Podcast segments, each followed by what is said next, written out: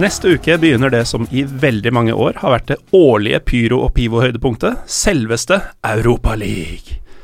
Nå har man jo fått nyss om at eh, den status som den undervurderte og udiskutable kongen av europacuper skal få en kronarving. Så i år har Petter Bøe Tosterud og Trym Hogner tatt seg en pause for å hardtrene til disse conference-greiene som begynner neste år. I deres sted har vi henta inn to personer som begge på sett og vis debuterer i Pyro og Pivo, men som på ingen måte står tilbake for våre gamle helter når det gjelder nerdenivå. Og disse er fotballentusiast og skribent Tobias Storeste Dale. Velkommen skal du være. Mange takk skal du ha. Du er her for første gang noensinne, det skal vi komme tilbake til. Men vi har også Mina Finstadberg, som er her på en måte for første gang. Velkommen til deg òg. Takk, takk. Du var jo med på en uh, julekalender i fjor, det er derfor jeg tar det forbeholdet. Men uh, som fullblodsepisode så er du også debutant. Det stemmer. Og du uh, er jo mildt sagt fotballentusiast og skribent, du også? Ja, jeg vil kunne si det. Fotballidiot har enkelte hevda opp igjennom. Vi er vel tre fotballnerder, entusiaster, idioter og det som verre er, alle tre, vil jeg tro.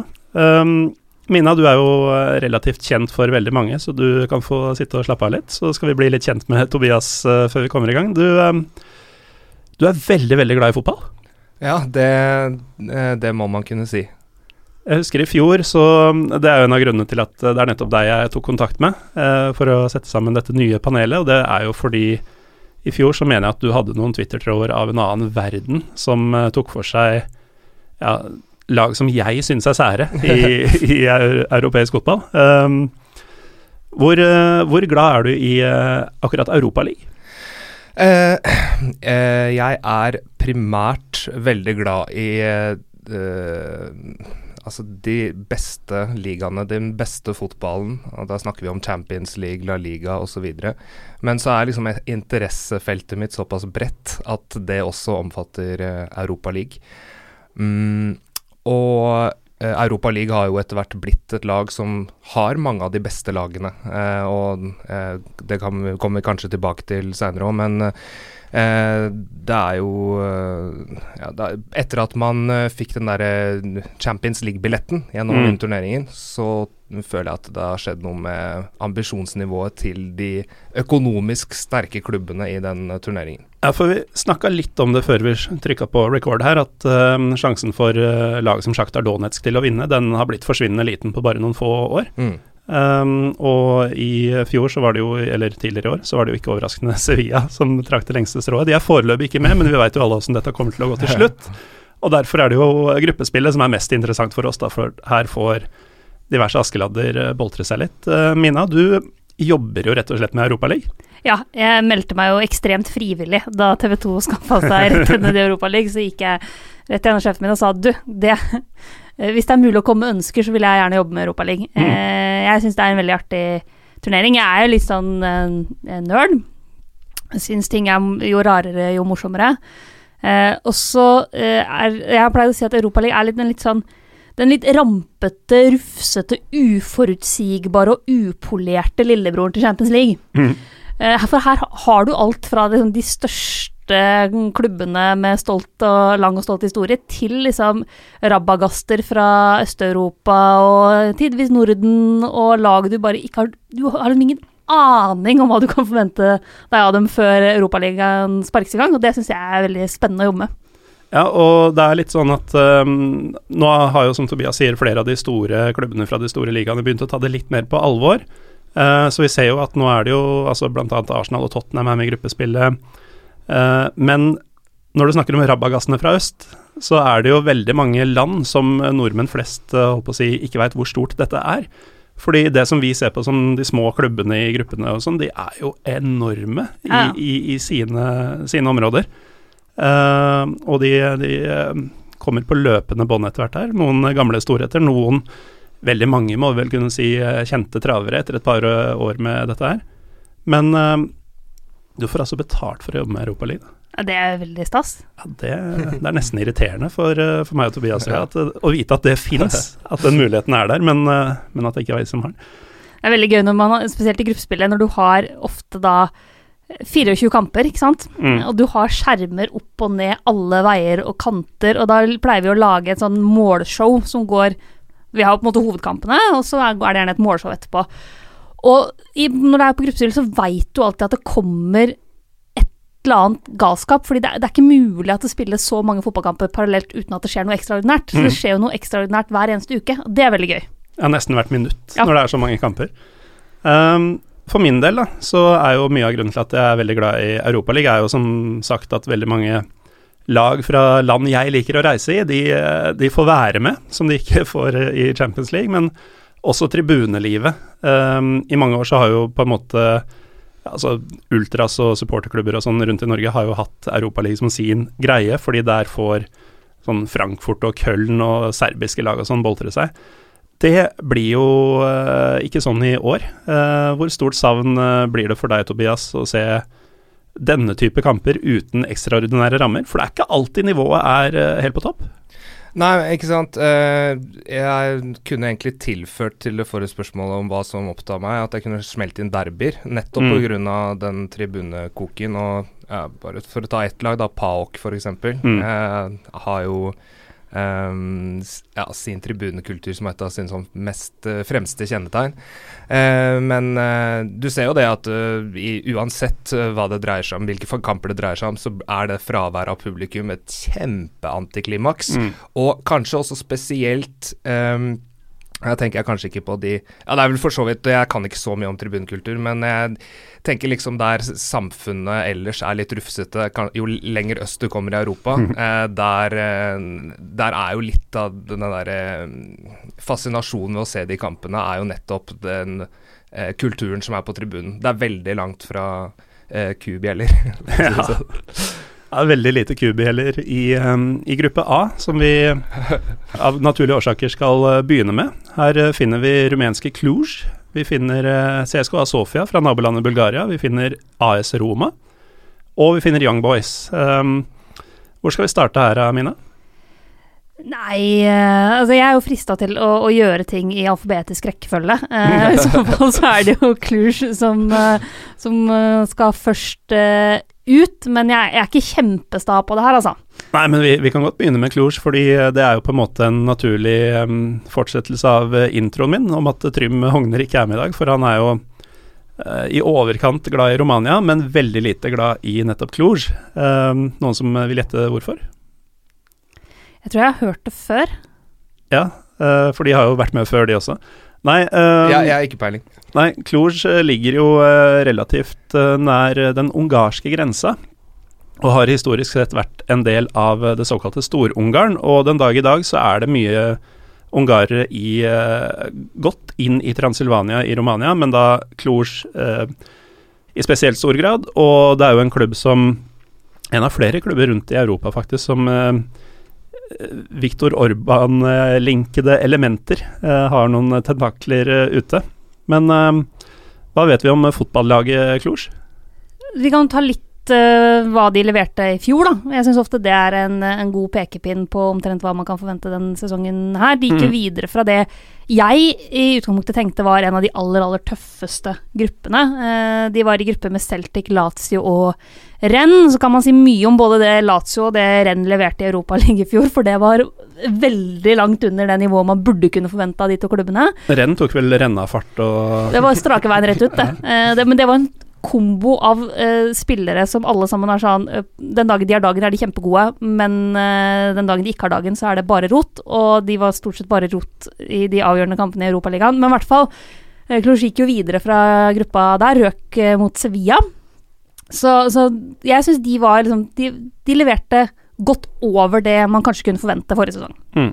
Jeg syns, uh, jeg syns Kluge sin prestasjon eh, i fjor er sånn selve bildet på det vi egentlig snakker om med hva Europaligaen dreier seg om. Eh, for meg var det eh, så vidt jeg husker, dødens gruppe sammen med Celtic Renn Lazio. Eh, I forkant av turneringen så pleier jeg å gjøre meg noen tanker om hvem som går videre fra hver gruppe. Mm. Og mine tips var jo eh, Renn og Lazio. Eh, eh, Jeg tror ikke du var alene om det. Nei, ikke sant. Og eh, Renn kom vel på andreplass i ligaen. Lazio eh, var tredje eller fjerde. De kom, ja, de kom seg i hvert fall til Champions League. Um, Ja, og så lenge ut som en gullkandidat Mm. i, eh, i Fram til korona. ja, ja. Og, og, og det føler jeg liksom Jeg, nå har jeg, har jeg ikke full oversikt over hva slags lag de stilte med i de kampene. Men det er Jeg innbiller meg kanskje at uh, Europaligaen ble litt nedprioritert. Det, det, kan godt være. Mm. Er dere gamle nok til å huske Dan Petrescu? Ja. vi er faktisk like gamle òg. Vi er 89-modeller begge yes. to. Og, og, mitt første møte med Dan Pedrescu var jo eh, mens, da han var bl blondine eh, på det rumenske landslaget i ja. VM 98. Da for øvrig hele Romania hadde Hele gjengen. Yes. Ja, nei, for vi, Det også snakka vi jo litt om før vi gikk inn her, at uh, dere, dere, virker jo nesten som en enhet. Altså sånn én person som bare er spalta i to. For dere, dere har jo det samme forholdet til, til det meste, får man inntrykk av. Uh, men Dan Petrescu er altså treneren for dette laget. Uh, var jo også en Altså, jeg er jo vesentlig eldre enn dere, hele fem år. Uh, og var en slags barndomshelt, selv om han spilte hovedsakelig for Sheffield Wednesday og Chelsea, som var to lag jeg ikke nødvendigvis hadde noe til overs for. Men det var noe med Altså, en bekk som bare flyr opp og ned i korridoren, og innimellom scorer og ser litt spesiell ut. Det, det, blir man aldri lei av. En veldig sånn klassisk og fin bekk. Ja. Sånn 90-tallsbekk, rett og slett. Ja, jeg kan bli noen, litt nostalgisk på det nå, skjønner du, fordi at nå skal bekker være så innmari mye mer. Mm. Eh, så da kan det hende at jeg, det hender at jeg savner de liksom gode, klassiske bekkene fra barndommen. Ja, man gjør det. Og så er det litt sånn det, det, er jo ingen posisjoner som er det vi er oppvokst med at de var lenger. Altså En keeper skal være dritgod til å drible og ja. sette i gang spillet og sånn. Uh, stopperne også, for så vidt. Det var jo jeg er oppvokst med at Steve Bruce og Gary Pallister var et av de beste stopperpara du kunne finne, liksom. Ja, Hvor mange toppklubber hadde de gått uh, rett inn i dag? eh, altså, på sitt beste så hadde de kanskje fått spille for um, Stoke. Altså, i Stoke hadde det alltid vært plass. Ja. Ikke tenk på det. Um, en annen ting som jeg syns er litt fett med, med Cluj, er at uh, stadionet deres uh, er oppkalt etter en doktor, Konstantin Radulescu. Og han har jo både spilt og trent, uh, spilt for og trent uh, klubben, så det er jo for så vidt naturlig nok at han er legende nok til at de oppkaller stadionet. Men denne doktorgreia Han har også vært klubblege. Det er veldig gøy. Ja. det er. Så det er sånn i en parentes sånn The Club Doctor of Cluj. Der har de valgt å Han går vi for når vi skal navngi stadion. Ja, Men det er på tide at de også får litt heder og ære. Er det ikke det? Overses ofte. Men uh, Cluj gikk altså videre mot alle odds i fjor. Har vel på papiret kanskje en ikke noe vanskeligere gruppe å bryne seg på i år. Um, hvis vi skal fortsette med den uh, alfabetiske gjennomgangen, så skal vi ikke reise veldig langt uh, geografisk. Vi skal til uh, hovedstaden i Bulgaria, Tobias. Ja. CSKA Sofia. Ja. De, de, har ikke vært med på en stund. hatt en turbulent turbulent, et turbulent tiår, rett og slett. Um, altså, det jeg registrerer først og fremst, er jo at hvis vi først snakker om 98 og sånn, det, de har jo en deleier som det lukter krutt av. Mm. I selveste Christo Stojkov, toppskårer i VM 94, og ja, han hadde vel Altså Hvis jeg husker riktig, så var det en periode på 90-tallet hvor Stojkov, Georgie Haji, Romario, Ronald Coman Altså, de var bare noen av uh, spillerne til Barcelona på samme tid. Mm det er jo eh, høres ut som de har tatt drømmelaget fra VM 94 og bare mm. stabla sammen som et klubblag. De ble jo kalt nettopp eh, Dream Team også, det laget der, mm. i Barcelona. Ja, det, det, var litt av en gjeng, altså. Men uh, Mina, har du, har du, hørt om CSK og Sofia før?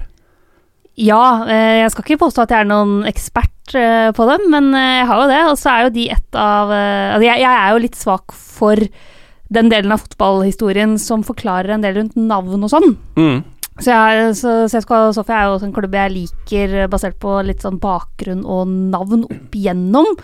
Eh, opprinnelig vel en klubb for Altså en av hærens klubber. Det er jo mm. en av variantene. Eh, mange steder rundt omkring i Europa. Det er jo gjerne at du har, du har liksom eh, offiserenes klubb, og så har du jernbaneselskapets klubb, og litt sånn uh, ulike ting. Utrolig østeuropeisk fenomen. Veldig, og veldig tidligere sovjetfenomen også. Mm. Uh, så jeg har jo kosa meg litt med tidligere navn av typen uh, 'September at the Central House of the Troops', uh, som det het en periode. Det er den engelske oversettelsen, da. Jeg er jo ikke kjempestødig på de originale navnene her. CSK har rødt flagg og en del sånne ting som jeg mm. syns er, gøy. Um, men en klubb som jo er litt ubeskrevet blad sånn rent sportslig sett, da. Det skal jeg innrømme. Ja, altså de er jo fort vært uh, den mestvinnende, tror jeg, klubben i Bulgaria. Men det, det, er jo litt som vi sa innledningsvis, uh, noen av disse klubba er gigantiske. Mm. Men uh, små, ukjente bakgårdsklubber for oss. Men det, vi snakker om over 50 hjemlige titler, altså. Og dette med Hæren, altså Det går jo til og med til stadionet, som heter Balgarska Armia. Og man skal ikke være en kløpper i bulgarsk for å, for å legge sammen to og to her. Nei, og sånn at når de har hett mye sånn derre Folkets uh, armé og sånne ting opp igjennom, mm. så er det ganske ja, ganske lett å kjenne. Noen husker kanskje tidligere Liverpool-spiller Jerome Sinclair, som er i CSK Sofia. Uh, han uh, er jo en av de spillerne som har vært på lån etter lån etter lån etter lån, mm. så nå er han der denne sesongen.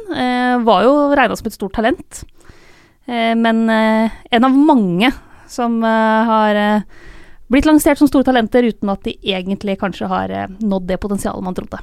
Ja, det er en eh, Altså, jeg ser på troppen nå, det er veldig mange nasjonaliteter, legger jeg merke til. Og det er jo litt sånn Når du hører bulgarsk fotball, så tenker du kanskje først og fremst hvem andre enn bulgarere vil finne på å spille i Bulgaria. Men her har du altså engelskmenn, du har et par eh, forskjellige afrikanske Du har ganske mange afrikanske nasjoner. Du har Brasil, du har Irland, Italia, eh, Frankrike. Altså det er det er en ordentlig brokete forsamling eh, spillere som eh, man må si at på rekordtid har tatt eh, CSKA tilbake. For her sto det ordentlig dårlig til for noen år tilbake. ja. Ja, nei, de er vel en av De er jo ikke aleine om det, men de er vel en av flere klubber i Europa de siste åra som har fått så store økonomiske problemer at de blir flytta, tvangsflytta mm. nedover i systemet. Ja. Det er jo dessverre noe man har sett ganske mye av de siste 10-15 åra, og som jeg tror mm. vi kommer til å se enda mer av i tida framover. Hvis den pandemien vi er i nå får fortsette å herje, så tror jeg det blir enda vanligere i tida framover. Ja. Jeg, jeg, tror faktisk eh, CSK Sofia er ett av tre lag bare i Europa League-gruppespillet som de siste åra har måttet ta turen ned i kjelleren. På grunn av økonomi? Ja. Ja, det er et Åh, så herlig Europaliga det, det høres ut. Mm, det er en rød tråd her, faktisk. ja, i dette tilfellet um. Men var det sånn at de, de ble tvangsnedrykka til nivå 3 i 2015, ja. og så rykka de rett opp igjen til nivå 1 etter det? Gikk de ikke gjennom nivå 2?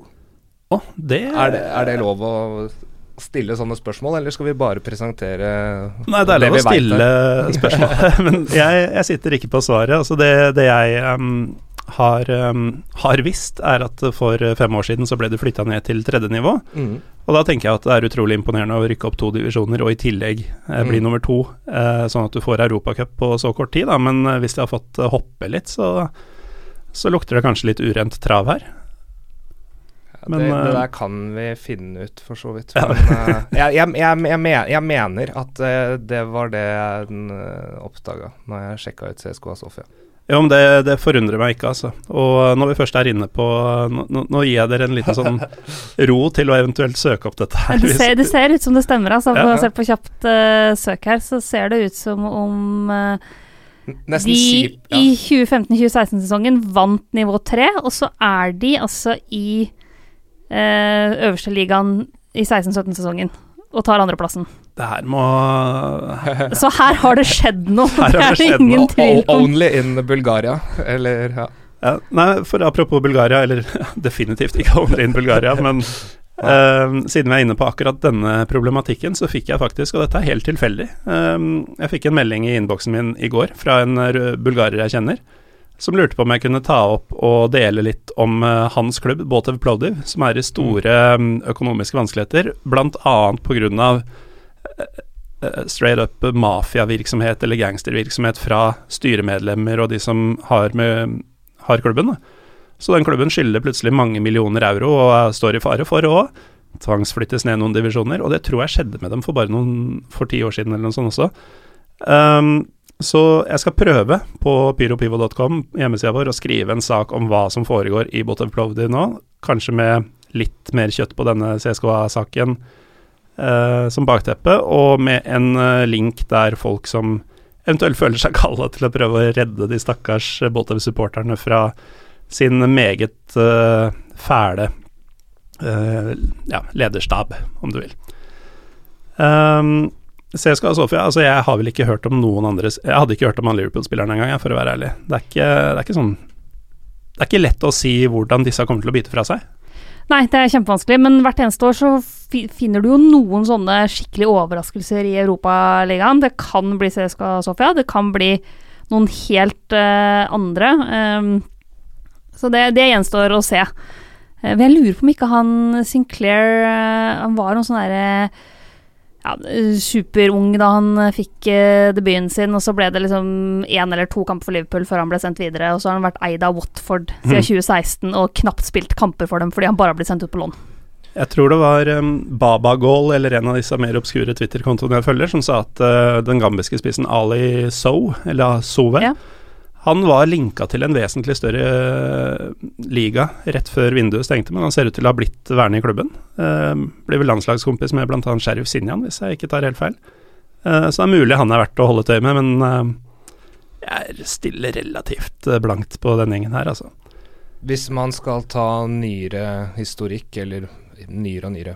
Historikk fra moderne tid. Eh, hvis man skal ta utgangspunkt i det, eh, så deltar de jo i sitt første europagruppespill siden 2010-11-sesongen. Mm. Eh, og har da mislyktes med å altså, Sett i sammenheng da med at de har kommet som nummer to i Bulgaria de fire siste sesongene og har hatt mulighet til å kvalifisere seg, ikke klart det. Uh, og så slo de Basel borte 3-1 i playoff denne sesongen. Så eh, jeg vet ikke, skal vi, skal vi, ta et sånt tips etter at vi har gått gjennom alle gruppene, eller? Eller skal vi tippe etter hvert lag? Vi kan, vi kan nok ta for oss Roma Young Boys uh, først. Ja, ikke sant. Um, ja, vi kan Roma, dem, dem kan vi litt om.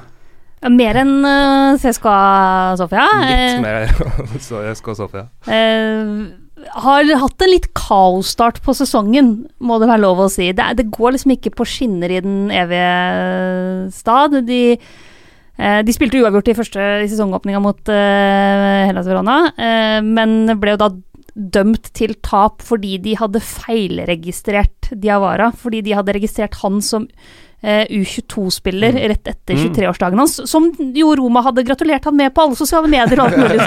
Du skulle på en måte tro at de hadde fått med seg det at han hadde blitt 23. Men det er litt sånn tegn i tida, sikkert, at uh, i 2020 så er det fort uh, sosiale medieansvarlige som har best oversikt ja. over sånt. Så de, de, ble, de ble dømt til 3-0-tap da, mm. i den første kampen pga. det. Og det er litt sånn oppsummerende for hvordan mye har vært for Roma i det siste. Saniolo, en av mine liksom, favorittspillere blant den nye generasjonen italienere. Mm. Fantastisk mm. midtbanespiller. Utrolig spiller. Utrolig artig å se på. Har jo selvfølgelig igjen røket i korsbåndet. Som han for, gjør annethvert år? Eller? Ja, og det er jo helt grusomt, for nå hadde han liksom Han, han røyk jo i vinter, i januar. Og så trodde man sesongen var over, men så kom jo koronapause og alt mulig, så da var han mm. tilbake igjen i sommer. Tilbake igjen i både Serie A, Europa League, og så liksom bare fantastisk bra ut. Og så går det et par kamper, og så er han ute igjen. Og det er fryktelig synd. Så det er litt, sånn, det er litt tungt for Roma om åra. Ja, ja, for de har jo blitt eh, Altså, det er naturlig å tenke på dem som Europaligalag og ikke Champions League-lag nå, Tobias? Ja, altså eh, Roma begynte jo å abonnere på Champions League-deltakelser sånn cirka Det sammenfalt sånn cirka helt med at Milano-klubbene eh, havna i skikkelig trøbbel. Så mm. der fikk du på en måte feia vekk et par konkurrenter. Um, og så har eh, eh, Inter er jo tilbake igjen. Mm. Eh, altså Milan er kanskje på vei tilbake igjen. Eh, så har du Atalanta, som eh, har på en måte tatt Napolis plass som den derre sprudlende underdoggen som eh, hevder seg helt til toppen. Eh, og så har samtidig eh, Roma hatt problemer på ledelseshold. Eh, de, jo, de, ansatte jo Monchi mm. i 2017, og han fikk to år. Brukte jeg tror det var 20 millioner euro eller noe sånt på, to, på spillekjøp på to år. Og det var vel egentlig bare Saniolo som eh, Det var nesten ingen av de Monchi henta til Roma som har vært noe særlig å snakke om, altså. Og dette var jo kongen av spillelogistikk før han kom til Roma. Ja, og det syns jeg er litt interessant, da, fordi hvis du har et sånt som meg, da, som kanskje min hovedliga er La Liga. Eh, hvis du har det utgangspunktet når du tenker på Monchi, Ja, greit. Du, at han gjorde en elendig jobb i Roma, det er greit nok. Men du sager ikke av hans eh, kapasitet som sportsdirektør. Men jeg tror hvis du har et motsatt utgangspunkt, altså at du har et utgangspunkt som seriamann, så tror jeg du tenker bare at Monchi ikke har peiling på hva han holder på med. Selv om han har hatt gedigen suksess med Sevilla både før og etter. Det, har, ja, mm. når, jeg, når jeg ser på troppen til Roma, så jeg tenker egentlig ikke lag. Altså, det ser ut som en litt sånn, om ikke tilfeldig, men i hvert fall som en sammenraska gjeng med, med, spillere. da. Og uten Saniola så ser det også ganske Og en aldrende Djeko, så ser det egentlig litt sånn profilløst ut. Sjøl om jeg tror det var viktig å beholde Djeko, jeg. Mm. Uh, når alt eh, er som det er. Eh, Kumbulla, som har kommet inn, er veldig veldig spennende. Eh, forsvarsspiller. Eh, han eh, Det tror jeg Ja, det var, var et aldri så lite kupp, tror jeg. Eh, han tror jeg kan bli bra. Eh, så har de jo nå fikk de jo til slutt Chris Malling, da, som uh, trivdes voldsomt godt i Italia. Veldig, etter, ja. og det, det, har jo vært en litt sånn Det er bitter for alle parter at uh, United sa nei, nei, du får ikke lov til å fullføre sesongen med Roma, du skal tilbake hit. Og så ender han selvfølgelig opp på deadline day sekunder før fristen med å bli Roma-spiller likevel. Mm. Som alle har skjønt hele veien at det ville vært best for alle parter. Men nå er han i hvert fall på plass. Uh, og så er det litt sånn ja, de har fått inn Carles Perez fra Barcelona. Litt sånn eh, glimt av ålreit, men ikke noe Han har jeg ikke noe særlig tro på. Ikke, ikke noe liksom voldsomt spesielt. Nei. Pedro inn, derimot, mm. kan jo faktisk være ganske ålreit for dette Roma-laget her. Altså Pedro, det som, det som, han var jo kanskje den mest undervurderte spilleren i det Pep Guardiola-laget eh, på den tida. Og litt av grunnen til det var jo den motoren han hadde. Eh, så vet jeg ikke helt hvordan den er nå i en alder av 33. Men eh, du nevner at eh, Djeko er viktig, og det tror jeg du har helt rett i. Eh, for jeg tror eh, man ikke må undervurdere heller det faktum at eh, Roma i løpet av de siste åra har mista Francesco Totti og Daniele De Rossi, altså mm. eh, sånne kapasiteter i klubben og representanter for klubbens identitet. Mm. Og så har de jo også gått fra å være ja, Det er nesten sånn bare så, så fort du har tatt på deg keeperhanskene i Roma, så har du blitt verdensklasse, ikke sant? Eh, med referanse til Chesney og alle sånn. Og mm. så har de Først uh, fått inn Robin Olsen, som ikke ble noe særlig, og Pau Torres Nei, pa, Pau Lopez, unnskyld. Uh, som, uh, som Var en varsla katastrofe? Vet du hva, faktisk. Jeg, jeg hadde litt tru på han, jeg, fordi at toppnivået til Pau Torres er Nei, Paul Unnskyld. Pau Torres skal vi innom etterpå, sikkert. Ja. Pau Lopez, ja, det er skyhøyt. Men ja, han gjør mye rart. uansett, Mirante har vel faktisk tatt, tatt plassen i Han har vel stått i første kampene fordi Pau, Pau Lopez er vraka. Ja. Nå, han er jo en voksen mann etter hvert, han òg. Så mm. han nærmer seg jo 40, sjøl om det er ingen alder i Serie A. Eller i Europaligaen, for den saks skyld. Nei. Uh, nei. men det er jo et Roma-lag som, uh, det, som, fortsatt har jo et høyt toppnivå. Mm. Det er det ingen tvil om. Uh, Mkhitaryan nå har jo tidvis vært veldig bra siden han kom. Ja, Pedro Pedro for øvrig noen sånn ekstremt sånn elevrådsrepresentantspiller. Eh, ja. Alltid, alltid framstått veldig som en sånn fyr som er sånn ekstremt pliktoppfyllende og, og, og fin. Eh, Ta på seg oppdrag som ikke resten av klassen skjønner helt poenget med og sånn. Ja, ikke sant. Gjør den grove jobben som du ikke får så mye ros for. Eh, så ja, Men de røk jo mot Sevilla i fjor. Eller i fjor, det var jo, det jo en måneds tid siden. uh, der hadde de ikke sjans. Altså Sevilla hadde mm. stålkontroll hele veien. Det var åttedels. Det var liksom Ja, Roma hadde egentlig aldri noe særlig sjanse. Men, men det, det kan skje den beste å ryke mot Sevilla i Europaligaen. Ja, altså, Sevilla under Lopetegi har jo De er jo de er ikke så veldig langt unna de beste i Spania nå, så jeg vil si kvalitetsforskjellen på Roma og Sevilla er ganske betydelig. Ja, det, det kommer jo ganske tydelig fram også. Mm, mm, mm. Men eh, Roma bør gå greit videre fra en gruppe her. Eh, kvalitetsmessig. Og da kan det jo være sånn at de eh, blir en av de klubbene som velger å satse på Europaligaen. Mm. Og gå all in der. Og de har nok kvalitet totalt i laget til å kunne hevde seg, altså. Ja. Um, kan jeg få arrestere meg sjøl før vi går vekk fra Roma? For jeg, Sa jeg 200, eller sa jeg 20 millioner euro at Monchi hadde brukt? Jeg tror du sa 20. 20, ja, Det er jo naturligvis 200 millioner euro. Ja, det er greit. Ja, Oh, nå lurer jeg på hvor mange sånn Twitter-krigere som måtte forkaste tweeten sin, som de hadde begynt på. Sånn. Ja. Um, siste lag i gruppa er jo da et lag som vi har blitt ganske godt kjent med de siste årene, sveitsiske Young Boys. Uh, kanskje turneringas morsomste navn. Veldig gøy. Mhm. Det er jo Det er veldig sånn her type eh, Man har uh, laga et lagnavn til Norway Cup-aktig navn på det. Ja. Men uh, dette, har, uh, det, dette er helt sant. Eh, for et par år siden så spilte vi cupkamp i Sveits. Prøv å gjette hva motstanderen het.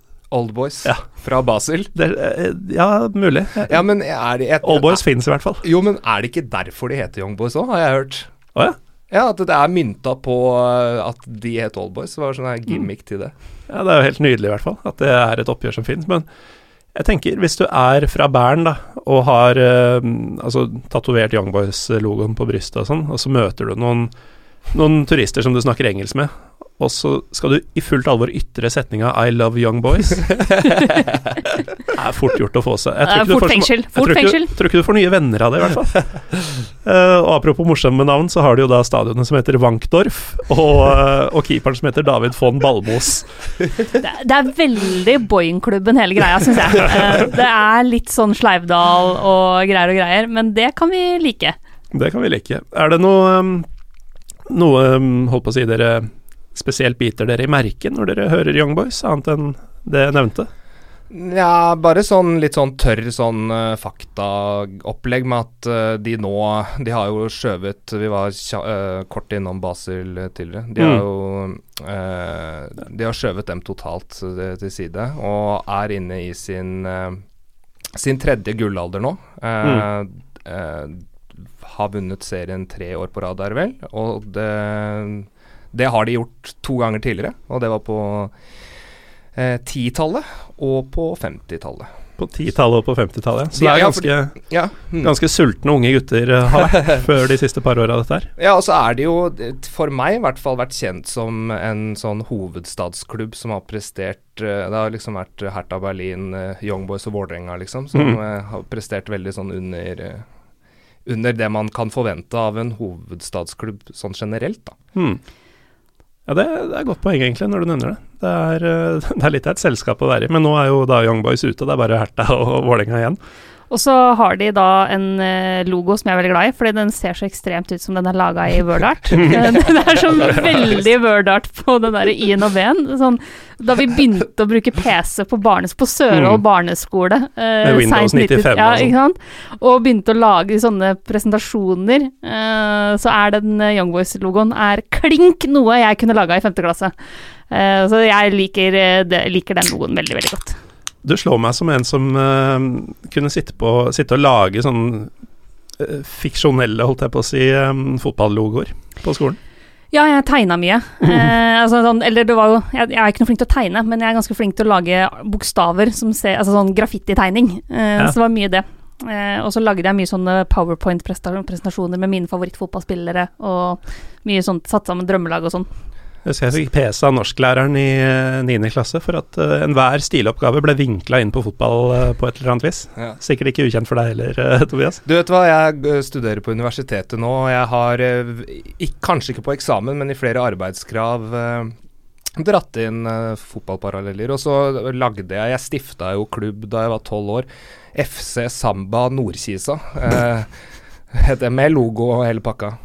Be begrenset nivå på det kunstneriske der, men ja. Wordart-logo sånn som Young Boys, eller uh, litt annet nivå? Jeg vet hva, jeg tror det var enda verre. Jeg tror jeg lagde det i paint. sånn fin pixel-logo. Sikkert lett å perle, da, jo, jo. for, eh, for eventuelle unge fans.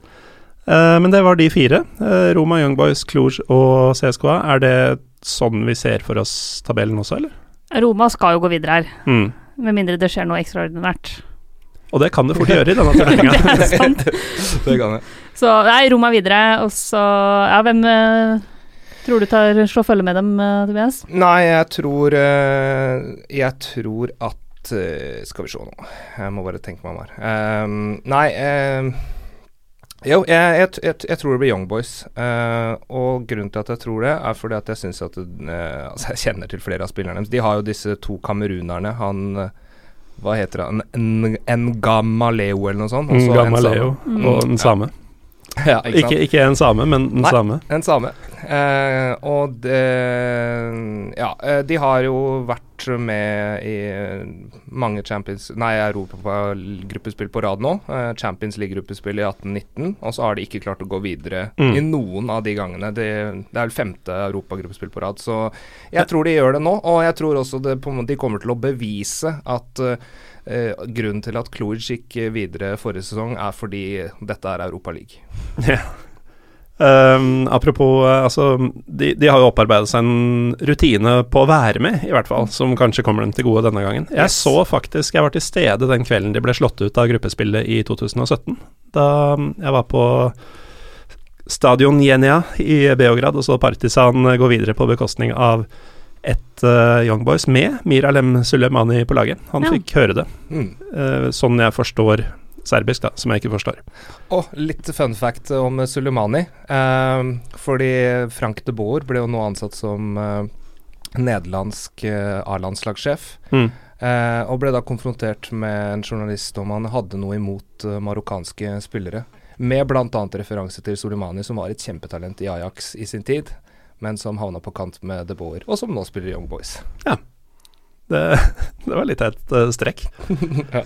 um, men mest sannsynlig Roma og Young Boys her, da. Men alt kan skje bak Roma, kanskje. Ja.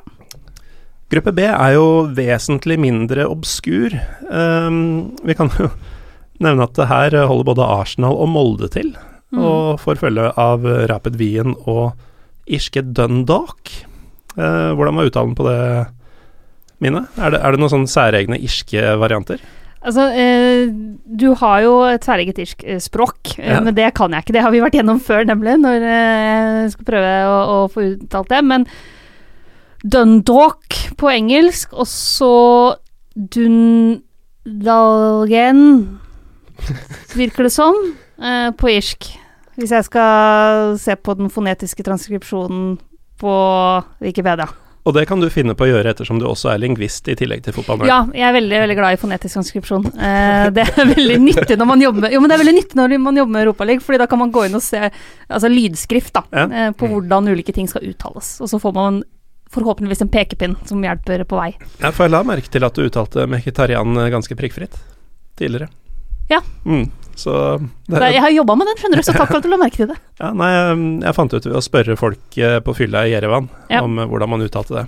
Og da ble jeg både venner fordi jeg kunne referere til han, og så kunne jeg da si navnet riktig da jeg kom hjem. Sant. Um, skal vi like gjerne begynne med Dundalk, eller? Bryte litt med dette um, alfabetmarerittet uh, ditt? Ja, kan jo godt gjøre det, altså. Det er jo syns jeg er ganske sjukt at en klubb fra irsk liga, for det, det, er jo en liga hvor når norske lag trekker motstandere derfra på sommeren for kvalik, så er det bare å dra over, ta, ta noen pils, vinne 3-0 i bortekampen mm. og så danse videre. Men de er altså med i gruppespillet. Det er veldig gøy. Mm. Og det er ikke første gang.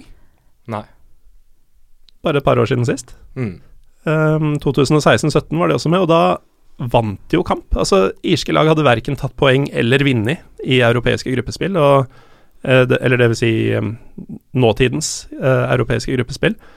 Og Dundalk ble det første til å gjøre begge deler, og nå er de røske meg tilbake igjen. Um, Slo da ut uh, KOI, altså våre venner i Klaskvik, for de av oss som jobba med færøysk fotball den våren her, uh, i den siste playoff-runden. Så det ble ikke noe fisk fiskesjeiker i League men vi fikk Dundalk i stedet. Mm. Tenk at det skulle bli enten Dundalk eller Klaksvik. Det er så gøy, det. Eh, og Dundalk, da gammelt eh, arbeiderlag mm. fra tidlig 1900-tall. Der er vi da på jernbane. Eh, ref det vi diskuterte tidligere med at noen er hæren og noen er jernbane osv. Men det er jo da stifta som et av de her mer sånn arbeiderlaga. Mm. Tidlig, tidlig 1900-tall. Ja. Hva veit du om eh, Dundalk, uh, Tobias? For uh, det, dette får være deres bord her. Nei, uh, yes, egentlig bare for å spille litt videre på det du sa.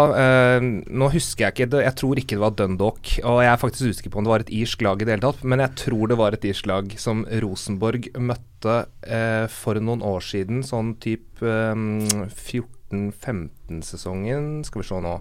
Nei, 13-14-sesongen så var eh, Rosenborg i Europa League-kvalik, og så møtte de, jeg tror det var et tirsdag, Alexander Sørloth fikk sin eh, debut for eh, Rosenborg. Mm. Eller han skåra i hvert fall sitt første mål, det var en av hans første kamper. Og da Eh, ja, faderullan. Veldig synd hvis ikke dette er et irsk lag. Det kan ha vært et nordirsk lag òg. Men egentlig Samme sak. eh, Det som er poenget, er at uh, det virker som at uh, irsk klubbfotball har kommet mye nærmere uh, norsk fotball. Fordi på, midt, på midten av 2000-tallet så ville jo ganske mange av de beste norske lagene valsa over de beste lagene Mm. i Irland. Og det er ikke mange år siden Dundalk ga Rosenborg skikkelig kamp i Champions League. Mm. Lurer på om det var 17-18 Lurer på om det var ja, 17-18-sesongen, lurer jeg på om det var. Ja, ikke sant. Ja. Um, Og da imponerte de meg. Altså, de var ikke langt unna i det hele tatt. Jeg lurer på om det, Rosenborg måtte dem ikke ut i ekstraomganger også? I den kampen? Eller så skåra de på overtid på Ja, det var i hvert fall Det var knepen seier til Rosenborg der, altså. Kan godt hende. Jeg husker jeg var bortesupporter på Lerkendal eh, en gang på tidlig 2000-tall. Og da skulle de møte Shelbourne uh, i um, noen dager etterpå, i Champions League-kvalik. Og da var det noen irer som tok uh, Mm. Hadde tatt turen til Trondheim litt tidligere da, og var med oss på bortefeltet. Det var helt på starten av 2000-tallet, tror jeg. ja, det er sånn 2000-2001 eh, Ja. cirka. Og da husker jeg at eh, vi fikk jo rundhjuling som altså, Jeg skjønner ikke hvorfor Lillestrøm dro på de kampene, at de ikke bare lot dem ta den walkoveren på 3-0. Pynte litt på målforskjellen vår og sånn. Men eh, de så jo vi bli maltraktert og bare sånn Ja, vi kommer til å gjøre det enda mye verre. Skål. Uh, og det gjorde de nok også. Det ble sikkert sånn 4-5-6-0 totalt for Rosenborg mot Shelbourne da, og det var det ingen som liksom løfta på øyebryna for engang. Mm. Nå har du altså et uh, irsk lag som er med for andre gang på bare fire år. Det er ganske imponerende. Så gjenstår det å se hvor de skal spille kampene sine. Mm. For det er en litt sånn kontrovers nå, fordi de har jo en stadion, Oriel Park, som ikke er godkjent for Europaligakamper. Mm. Eh, fordi det er jo ganske høye krav. Eller vil si, for en irsk klubb som Dundalk, så er kravene til uh, Europaliga-stadion ganske høye. Mm. Uh, så de har jo ofte da uh, lånt litt uh, ulike arenaer når de har vært ute i sånne europeiske kvalikkamper og sånn. Men det kan hende at de ender opp med å spille i Belfast, altså i Nord-Irland. Fordi de driver og krangler med rugbyforbundet som skal bruke da den irske arenaen som hadde vært aktuell, eh, til, noe rugby, til noe trening før en viktig rugbymatch. Så den uka her så har det vært veldig sånn fram og tilbake rundt akkurat det, så jeg er sånn spent på hvor de ender opp, for Uefa vil jo helst ha at alle kampene i, i alle kampene skal spilles på samme arena. Ja. Eh, og som det ligger an til nå, så har på en måte ikke Dundalk ledig stadion som kan være den samme på alle tre hjemmekampene. Men ikke Så det kan de ender opp i Belfast. Eller de, de har i hvert fall visstnok eh, spurt om de kan få lov til å spille i Belfast. Som jo er et problem, fordi det er et annet land. Ja, det er jo et lite problem. Men eh, det er jo litt sånn Sånne Uefa-krav pleier å ha med uh, fasiliteter for publikum å gjøre, yep. spesielt VIP-fasiliteter og sånn å gjøre. Nå som det ikke er tilskuere, når det bare er klubbrepresentanter og media i praksis som er, er på stadion, med mindre du ikke har et TV-tårn og ikke har flomlys, burde ikke egentlig et hvilket som helst stadion være bra nok? Jo, jeg har også stussa litt på det, men jeg har ikke klart å grave meg nok inn i det. Det, er også fullt mulig at Uefa bare ikke har på en måte tilpassa regelverket til den situasjonen vi er i nå. Mm. At de har hatt andre ting å deale med. Eh, fordi de er en eh, Hvis jeg husker riktig, så er da det en kategori to-stadion. Eh, så det vil jo da si at de eh, De har eh, Ja, det er jo med tanke på antall tilskuere, om du har liksom, Hva slags Kan du håndtere elektroniske billetter, for Mm. eksempel? Og en del sånne ting, da. Men det er jo ikke så mye av det som burde være aktuelt her, uansett. Nei, det med elektroniske billetter er jo heller ikke relevant akkurat nå.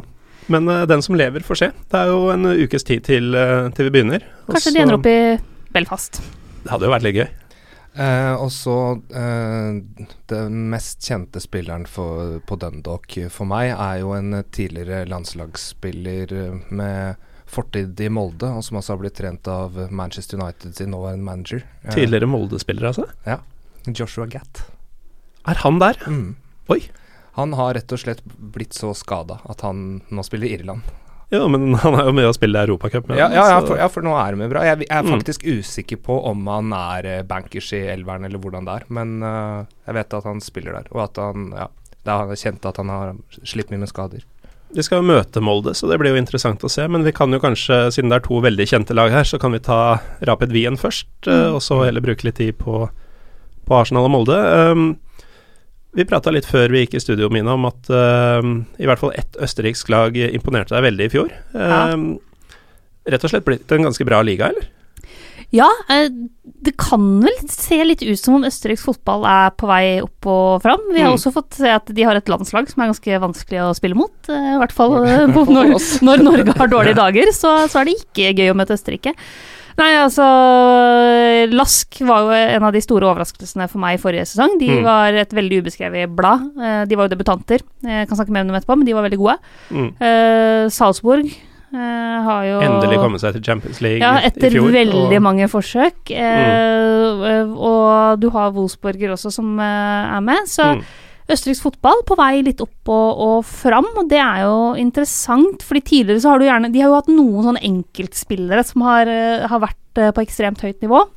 Men nå kan det se ut som om eh, det er en litt sånn ny vår, syns jeg, da. Mm. Ja, det, det ser bra ut for østerriksk fotball på både klubb- og landslagsnivå.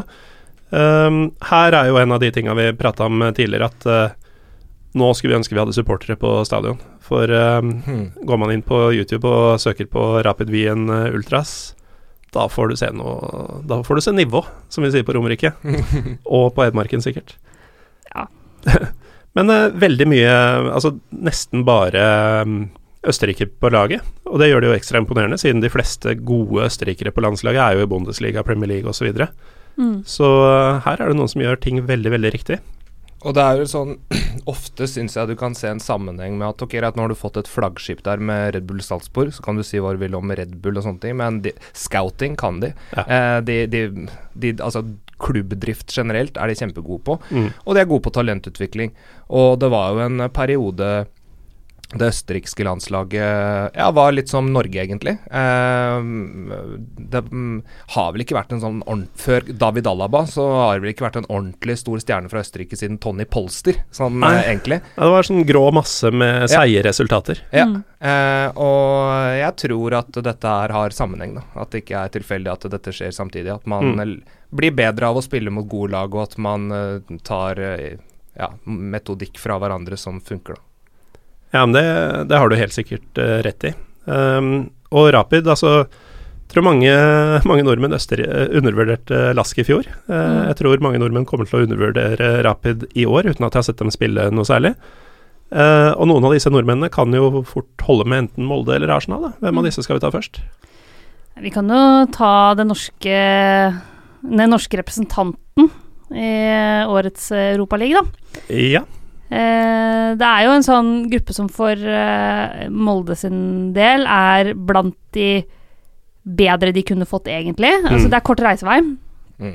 eh, Som faktisk er et ganske viktig poeng i Europaligaen. fordi hvis du plutselig skal bort til Kasakhstan der, så er det mye eh, styr, og spesielt i Mm. pandemi. Det er litt enklere med, med en tur over til Irland og en tur eh, ned til Østerrike og sånn. Så sånn sett så er det bra. Så får du Arsenal, som er en kul motstander.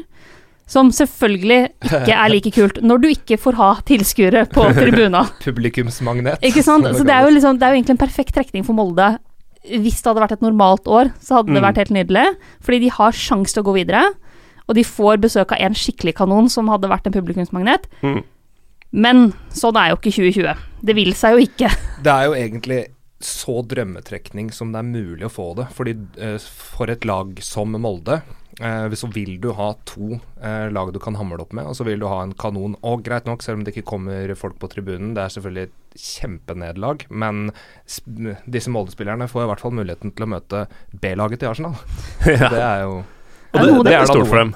Ja, jo, men det B-laget til Arsenal er jo vinner jo den gruppa her lett. Og B-laget til Arsenal er jo fort vekk en del unge gutter som kommer til å være A-laget til Arsenal Yes. om fem år. Mm. Og det er litt sånn eh, for meg som ikke følger noe særlig med på Premier League lenger, så virker det som en ganske sånn glidende overgang. Fordi plutselig nå er denne Saco og Uh, Maitland Niles, eller hva han heter, og, Mm. og sånne folk er jo plutselig bærebjelker nesten i, i laget, som jeg, Mm. som jeg trodde var sånn typiske ligacupspillere så seint som for et halvt år siden. Um, nå skal jeg da atter en gang ikke påberope meg å være noen uh, Premier League, verken ekspert eller entusiast, men um, så folk som holder med Arsenal og sånn, får bare ha meg unnskyldt for at jeg ikke veit forskjellen på juniorlag og viktige spillere. Men uh, vi trenger kanskje ikke å si så altfor mye om Molde selv, fordi folk kjenner jo Molde. Ja, så det, det, det er det er jo ikke et ubeskrevet blad. Nei. kanskje mer interessant å høre om hvem de skal møte. Og Arsenal er jo da kanonen her, da. Mm. Ehm, er de Altså Kommer de tilbake der de var, eller eh, er de der de hører hjemme nå? Det er vanskelig å si. Eh, nå eh, syns jeg at ting over tid etter at Arteta kom inn som manager, eh, så har pilene pekt i riktig retning for Arsenal sin del. Jeg synes det, jeg får, Vi får en stadig tydeligere liksom, kontur av hva Arteta faktisk vil, hva slags fotball han har lyst til å spille, og hvilke spillere han trenger eh, i, i det laget. Eh, de har forlenga med Aubameyang, som er kjempeviktig. De har en del unge spillere som har kommet på vei opp eh, og fram nå, som ser veldig bra ut. Som bl.a. fikk veldig nyttig erfaring i Europa League forrige sesong. Der Mm. var det jo bl.a. Saka, men også Martinello og et par andre som, som blomstra der.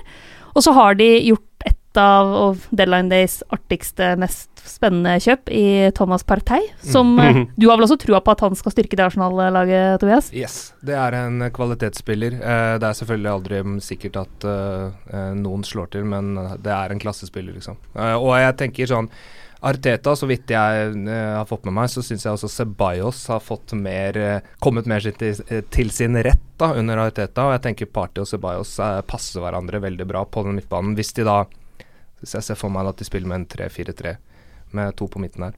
Um, men Eh, skal vi se. uh, ja, Auba. Viktig eh, kontraktsignering, åpenbart. De har jo Lacassette og William i tillegg i angrepsrekka der. Men sånn for fremtiden eh, Eller vent litt, da, jeg skal bare begynne litt i riktig. Hvis Du spurte om dette med om Arsenal liksom har kommet for å bli der og sånne ting. Og da Mm. må man se på eh, De var jo én av to eh, ved starten av århundret, og så kom eh, Chelsea med Roman Abramovic i 2003. Mm. Eh, City kom med sine eiere i 2008. Liverpool gjenoppsto. Så hadde du et, ma vakt, uh, unnskyld, et maktvakuum et sted der, som gjorde at uh, Leicester plutselig fikk uh, posisjon. Og så hadde Da var det gøy med Premier League, da. Ja, det, men det, ja, det er jeg enig i. Eh, og så har du da portugisisksatsende Wolverhampton. Eh, og så har du generelt ekstremt um, sterke økonomier rundt. Hvis du ser på de 25-20 rikeste klubbene i eh, Mm. Europa, så er en tredjedel av dem kanskje pluss-pluss fra Premier League. Så det er punkt én, hvorfor Arsenal eh, har det vanskelig nå enn før. Konkurransen er mye større, mye mer penger. Eh, og så er det dette med å erstatte en sånn fyr som Arsen Wenger, da. Det er så mye mer enn en fotballtrener. Så får du inn Unai Emery. Han kan, knapt språket, har ikke noe fortid i Premier League. Så det er så mye fallgruver, men som i mine øyne på, så har jeg veldig tro på Mikkel Areteta. Tror han er veldig flink. Tror han er den beste treneren av de som konkurrerer rett bak City og Liverpool. Så jeg tror faktisk Arsenal er en seriøs utfordrer til å eh, ta topp fire denne sesongen. her. Så tror jeg vi kommer til å få se et Arsenal som spiller B-rekka mye i Mm. gruppespillet nå i høst, fordi de bør kunne ta seg fint videre med unge, sultne gutter, og for så vidt de gutta som bare ikke er gode nok til å spille lenger. Uh, Øzil får, får ikke være med, Eh, han er ikke med i Europaligatroppen engang. Mm. Eh, og så tipper jeg at vi får se et Arsenal som kanskje da skrur Altså hvis du ser eh, når, eh, når gruppespillet er over Hvis eh, Arsenal da ser at topp fire blir vanskelig, så tipper jeg de går all in på Europaligaen. Og da kommer de til å være selvfølgelig blant favorittene. De røk jo mot Olympiakos i sommer. Eh, og vondt å møte Omar, eh, men eh, det kan jo hende at dette er året for deres del. Så Arsenal vinner denne gruppa, det er vi vel ganske samstemt Ja. om. Um, Ikke, ikke minst fordi at eh, jeg tror hvis de store lagene ryker, så er det fordi de undervurderer de andre motstanderne, og at B-rekka da ikke er god nok. Men B-rekka for Arsenal, det in inkluderer bl.a. Martinelli, ikke sant. mm. Martinelli scorer mot alle de tre laga her, hvis han, hvis han gidder det. ja, han går inn i den gjengen som jeg prata om i stad, som jeg trodde var reservelagsspillere. Ja. Som er liksom banker på døra til superstardom. Mm. Men, men det du er inne på der, handler jo også om at nettopp dette med penger, dette med mulighet til å ha ekstremt mange spillere i en tropp for å være konkurransedyktige i Mm. mange turneringer. Så eh, nivået på B-rekka Jeg husker jo eh, Rosenborg når de møtte Red Bull Leipzig eh, Når var det? Et par år siden? Eller var det i fjor? Nei, var det et par år siden, kanskje? par år siden. Ja, eh, og da stilte jo Red Bull eh, Leip Leipzig ganske, ganske B-preget. Men altså, det er jo klassespillere vi snakker om. Mm. Ja, klart det. Så Arsenal har eh, stålkontroll her. Spørsmålet er jo Eh, om Dundalk kan følge med? Nei, det er vel eh, om Molde eller Rapid blir nummer to. Og det, det kan jo bli eh, Det kan jo gå for Molde. Det kan det, men eh, altså så langt så lykkes ikke norske lag i Europaligaen når jeg jobber med Europaligaen. Uh, så det blir, det blir bare gruppespill. Ja. Men i utgangspunktet så, så tror jeg at uh, altså Molde-supporterne bør jo ha et håp om å gå videre her. Uh, men det blir ikke sånn at det er ikke sånn at Molde bare kan spasere seg inn til en andreplass i en gruppe her, altså. Det er det ikke. På ingen måte. Rapid Wien har vært med i Europa League-gruppespillet sju av de elleve siste gangene og gått videre to av dem. så jeg er jeg føler meg ganske den, den, gruppa her er jo mye lettere å tippe. Jeg syns det er mye mer sånn klart 1, 2, 3, 4 her i den gruppa som vi var inne på i stad. Så jeg tror Rapid Wien følger Arsenal videre. Måtte du få rett, Tobias. um, gruppe C, den Nå syns jeg det begynner å bli litt sexy her. For da har vi altså Bayer Leverkosen, Hapoel Ber Sheva, NIS og Slavia Praha. Og dette er vel kanskje Deilig gruppe? Dette er vel kanskje mest eh, sånn Pyro Pivo Europaliga-gruppa så langt? Og det jeg liker med denne gruppa her, er at her har du virkelig alt Europa har å by på, da, på en måte. Um, og vel så det. Fordi du har liksom uh, Du har den tyske representanten, du har det franske laget som er liksom hakket under uh, de største kanonene der, og så har du liksom uh, et israelsk lag og et tsjekkisk lag. Så du har sør og sentral og store ligaer, små ligaer, alt mulig. Mm. Dette hadde selvfølgelig vært enda deiligere om man hadde hatt publikum på tribuna og kunne da se på de ulike, hvordan ulike supportkulturer er ulike steder i Europa. Ja, det hadde jo vært uh, helt nydelig, men, uh, men, det kan bli gøy likevel i den gruppa her, for det er et par lag som har mye spennende offensivt, og noen lag som kanskje ikke nødvendigvis kan stå imot disse offensivene. Uh, men vi kan jo begynne med Bayer Leverkosen, da, som fort vel er det mest kjente laget mm. for folk i denne gruppa. De er som vanlig relativt unge, offensivt anlagt, underholdende, og litt sånn som vi har spurt om både Arsenal og Roma, altså et egentlig topplag fra de store ligaene som liksom ikke passer inn i Champions League lenger. De er jo Bayer Neverkosen. Ja. Uh, det er jo det mest irriterende kallenavnet i europeisk toppfotball, tror jeg. Men det er jo litt sånn det er, da. Eh, havna jo i en ganske tøff Champions League-gruppe i fjor, da de og havna på tredjeplass bak Juventus og Atletico, liksom. Det er litt sånn ok, Juventus og Atletico Madrid er blant Europas aller, aller beste fotballag. Ja, sånn er det. Det, det er vanskelig å hamle opp med dem. Eh, røk i kvartfinalen i Europaligaen mot Inter, apropos mm. blant Europas aller, aller beste fotballag, og et Inter som, har sett, som så veldig, veldig bra ut i den perioden der med en Lukaku i, i storform.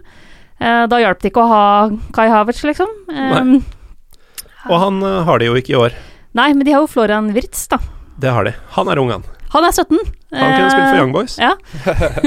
han han eh, starta jo blant annet mot Rangers forrige sesong, riktignok da de allerede Det var jo den åttedels mm. Og de allerede var i praksis videre, men han fikk jo sjansen da. Uh, har jo et par andre unge spillere òg som er på vei opp og fram. Han, han Wirtz, han har, har, han spilt seg inn i elveren? Eller Han uh, er ofte ja, jeg, innom, i hvert fall. Jeg tror, jeg, mitt inntrykk er at han jaggu har spilt seg inn i elveren, sånn mer eller mm. mindre. At han i hvert fall figurerer ganske ofte. Ja. Kanskje Peter Boss rett og slett har tenkt ok, vi har ikke Kai Havertz, men som Mina sier, vi har Florian Wirtz. Mm. Bare kjører han rett inn. Og et lag som jo har gitt unge spillere tillit mm. og fått gode resultater med det. Ja, altså det er noe med Jeg veit ikke om Kanskje er det fordi de er en litt sånn annerledes klubb, at uh, fanpresset ikke er det samme. Altså, jeg ikke at ikke de har uh, krevende supportere, men, men, de har ikke tross alt uh, De som styrer klubben, er ikke prisgitt supporternes nåde, med tanke på eierskapsmodellen som gjelder de aller fleste tyske lag, men ikke disse.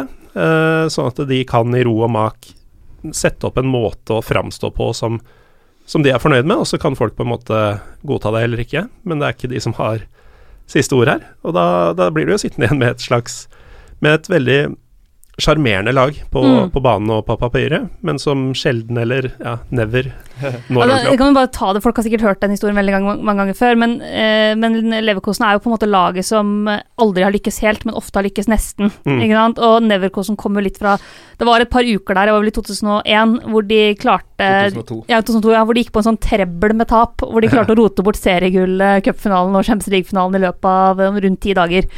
Det, det har jo satt seg. Det har satt seg. Med, med Ballak og ah, Hva var det han het igjen? Han brasilianeren Serginho, var det Ja. det? Nei, det var Nei, eh, Roberto. Ja. Zé Roberto. Roberto. Ja, Roberto. ja. Mm. Ja, de, eh, de var fine, da. Men de kommer til å gi oss veldig morsomme kamper. Det gjør de. Og den gruppa her kommer til å gi oss Altså Leverkosen mot NIS, eksempel, er jo en Mm. kamp jeg allerede har blinka meg ut som eh, potensiell eh, kjempekamp. Og de, er, og de er jo som uh, veldig mange tyske topplag. Uh, det er egentlig ganske sjukt hvor symptomatisk det er nå, med tanke på hvordan de tyske topplagene spiller. Altså Det Mm. er så gøy fotball å Ja. se på. Det er fremoverretta, det er kjempehøyt tempo. Uh, ja, litt sånn, litt sånn gegenpress over alle de der største lagene i med, Kanskje litt med unntak av Bayern. Men de har utrolig mange spennende spillere, og også en spennende B-rekke. De har veldig mange altså bred og god stall.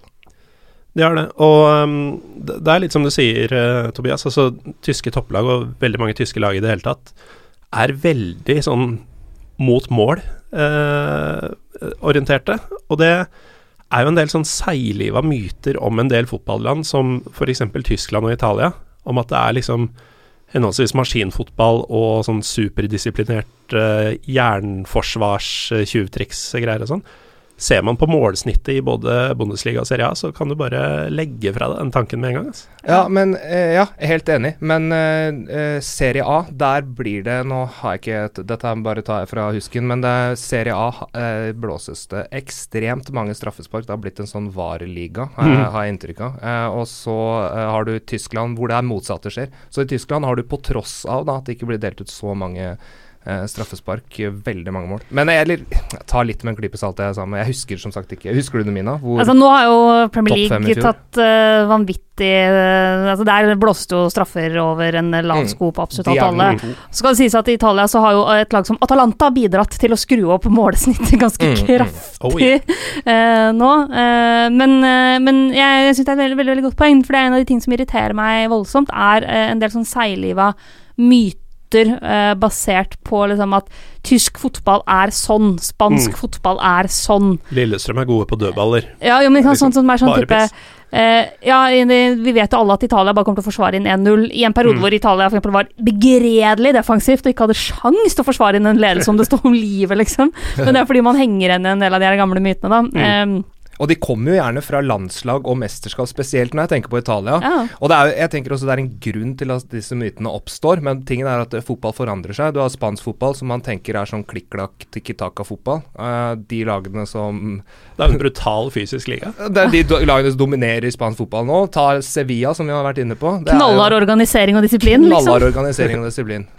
Så, ja. Men eh, Leverkosen er jo eh, veldig lite maskinaktig. Mm. Ofte veldig artig. sprudlende gøy. Og et lag som eh, tørster etter et trofé. Så Ja. de grader. Så kanskje er liksom Europaligaen deres arena i år. Men uh, du sa um, Eller du hadde blinka ut uh, Leverkosen mot uh, NIS som, eh, som en match verdt å få med seg. Eh, vi kan jo ta NIS med en gang. Hvorfor, eh, hvorfor er de gøy av det? Nei, eh, altså NIS eh, det er jo, nå, ser jeg, jo, jeg ser jo mindre fransk fotball enn jeg ser eh, både ser tysk. Eh, men det er jo et lag som spiller morsom fotball. Mm. Eh, Patrick Vieira eh, inne der som eh, trener. Det er gøy.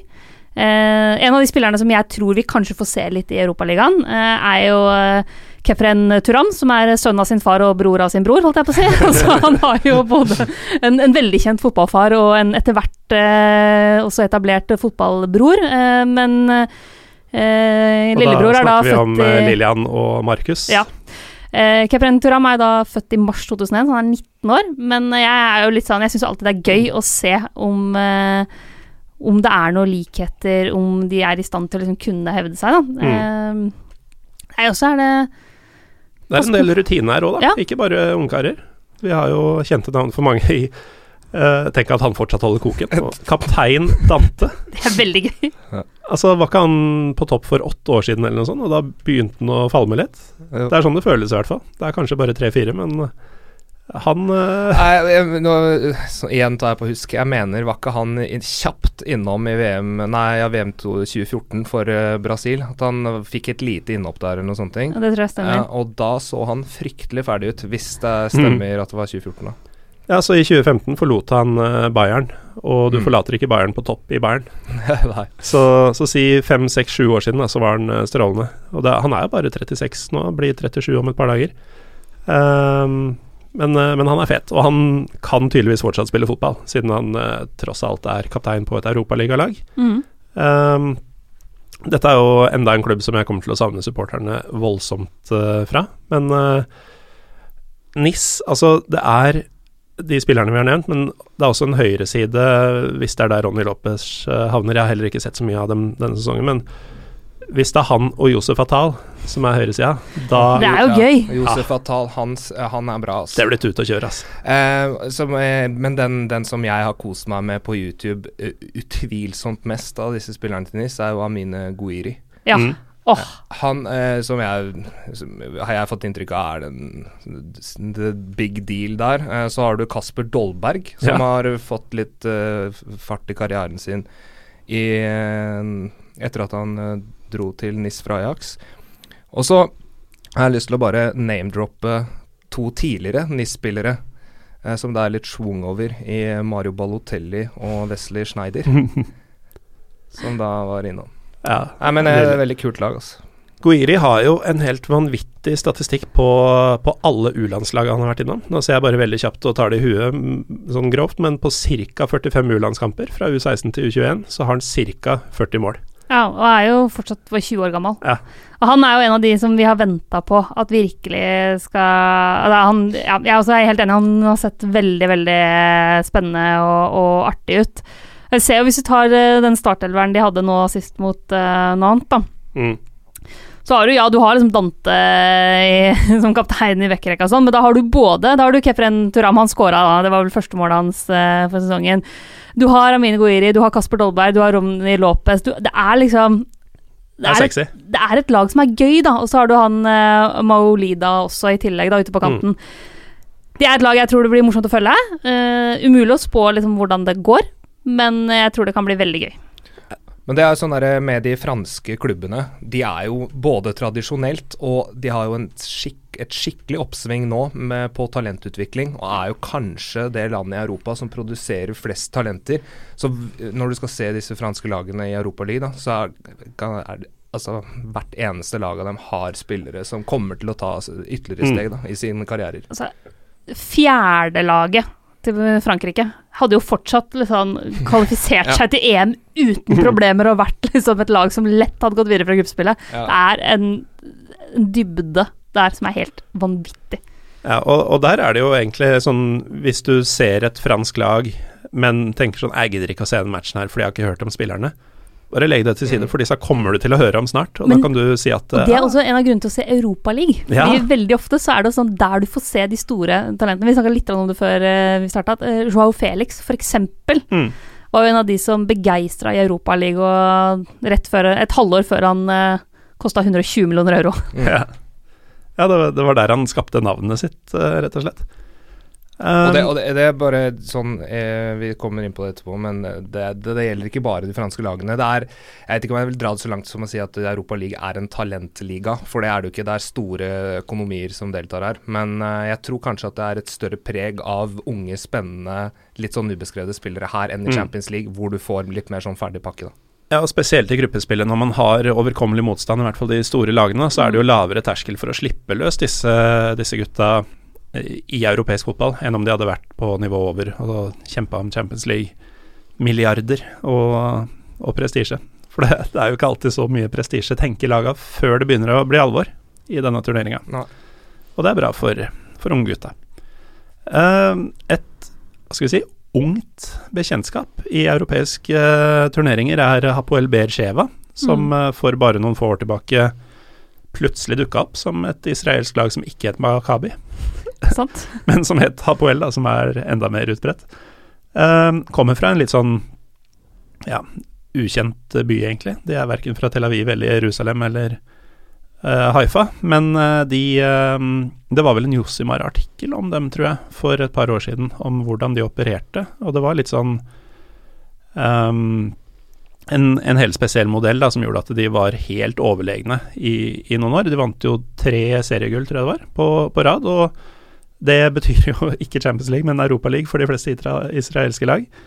Um, men ser da ut til å ha møtt på en vegg, for de ble bare nummer fire i fjor, og er med fordi de vant uh, cupen. Så uh, fortsatt et gjeldende lag i, uh, i, israelsk fotball, men ikke kanskje like gode som de var for et par år siden. Og de var da ikke gode nok til å gå videre fra Europaligaen. Hva, hva slags forhold har dere til israelsk fotball? Jeg har vært faktisk en del i Israel og Palestina, men jeg har ikke sett fotball der. Jeg har vært mest på Vestbredden, da. Mm. Så Uh, jeg, jeg, jeg, bare viser fram et dokument her som heter 'Israelsk fotball 2015'. Ja, ja ikke sant. Fordi eh, jeg har, ikke, jeg, jeg har sett fotball i eh, både Jerusalem og på Vestbredden, men da har jeg sett på pub. Uh, med, sett, med, andre folk, uh, og ikke i aksjon. Men det jeg ofte følger litt med på, som jeg syns er interessant, er jo å se litt hvordan disse israelske lagene er satt sammen. Og det som jeg har merka meg med spilletroppen til Hapoel Bersheva nå, er jo at det er jo flere spillere der som er eh, palestinske israelere. Mm. Det er jo en litt sånn endring som har kommet de siste åra, at man har eh, fått flere eh, palestinske-israelske spillere eh, inn i israelske lag, og til og med også på landslaget, som jo ikke var snakk om tidligere. Mm. Og det kan man jo si at det er et eh, Uansett et positivt, da. At man faktisk ja. Eh, får en, noen form for forbrødring fotballmessig. Ja, og da gjør det jo det hele litt ironisk at uh, de ikke får spille på stadionet sitt uh, denne høsten. Uh, de må spille på Teddy stadion i Jerusalem, som er hjemmebanen til Beitar. Og der ville det ikke komme på tale å ha palestinske spillere på laget. for dem som lurer på hva jeg snakker om der, så kan dere sjekke ut dokumentaren 'Forever Pure', mm. som i sin tid lå på VGTV, eller høre episode 20, hvor vi snakker litt om det, tror jeg da jeg var i Israel for første og foreløpig siste gang. Men uh, de, altså, Hapoel Bersheva uh, nevnte litt de, de, gjorde veldig mye riktig i mange år, og kom til Europa flere ganger og fant ut at nå bygger vi nytt og kult stadion. Og det stadionet, Turner Stadium, det sto nytt i 2015. Det får de ikke bruke, fordi så seint som i august, altså bare for to måneder siden når vi sitter her nå, så skjedde følgende.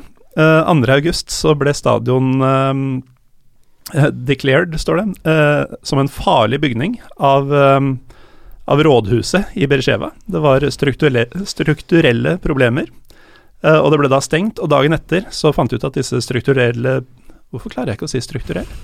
Strukturelle problemene inkluderte cracks in the support beams and loose bolts. Altså, det, det, er så dårlig håndverk. Altså, sprekker, sprekker i bærebjelkene ja. og løse skruer og bolter er jo ikke kjempestas. Det, det, er ikke det du trenger når du skal spille Europacup eller noe som helst eh, annet. Men det, det er fem år gammelt, det stadionet, altså. Det er, ja, stakkar. Så ja, stakkar. Så dette mm, Altså, byrådet i Bersheva, de skal da naturligvis uh, saksøke de som satte opp dette stadionet, og har sagt at de skal til å begynne med fjerne taket. Og så får vi se om det går an å spille fotball der eh, senere, eller om dette rett og slett blir kondemnert. Er det ikke det det heter? Det er jeg usikker på. Ja, kanskje ikke. Men uh, Men Sjarmerende uh, sånn anekdote i, historien til Hapoel Bersheva, hvis, hvis, man kan se et lyspunkt ved dette. ja, de, de, kan sikkert le av dette om en 30, 30 års tid. Ja. Men um, du hadde sett kamp i Jerusalem, sa du, men bare på pub? Ja. Mm. Samme, jeg har også sett en del fotball i Ramallah, men også da på pub. Ja. Jeg har faktisk sett eh, Champions League eh, på pub i, Ramallah, hvor eh, ingen klarte å uttale navnet til Balotelli riktig. Eh, som jo bør være blant de enklere italienske navnene, men det var, ja, det det var ikke mulig på noen som helst måte å få det til. jeg eh, leita etter pub i Ramallah uten å finne. Hvordan klarte du å ikke finne pub i Ramallah? Det er jo puber overalt. Det er det jeg hadde blitt fortalt, men uh, vi, vi, gikk altså rundt og omkring og kryss og tvers og sånn, vi klarte ikke. Vi fant en kafé som hadde én øl på flaske, men den tror vi var um, alkoholfri. Så for å For jeg, jeg, hadde jo hørt at man kan drikke ganske fritt i Ramallah. Eh, ja. Så ja. Så det vi gjorde, da, fordi vi måtte jo Vi kunne ikke dra fra Ramallah uten å si at vi hadde drikket en utepils i Ramallah. bare fordi byen heter Ramallah. Det høres så hardt ut, liksom. Så vi gikk på en kiosk og kjøpte hver vår flaske, og så fant vi oss et smug. Hvor vi sto i sånn Vi var tre stykker, så vi sto i sånn trekantformasjon inn mot hverandre, så så få som mulig skulle få øye på oss.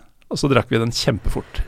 Neste gang du skal nedover, så gi meg beskjed, så skal jeg peke deg i riktig retning. Fordi du har jo til og med et eget eh, altså Taibe, eh, Mm. eget bryggeri, eh, og merke i en av byene på Vestbredden.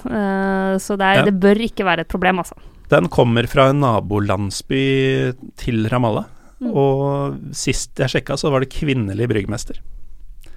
Men um, vi må videre til, Vi må videre. til et sted hvor det definitivt er mulig å finne puber, nemlig Praha. Som er en av eh, tre byer som har med to klubber denne sesongen. Det er jo imponerende i seg sjøl. Mm. Uh, Slavia er den klubben fra Tsjekkia vi skal ta for oss eh, første dag. Og um, jeg vet ikke, Tobias. um, har du et eget dokument om tsjekkisk fotball også?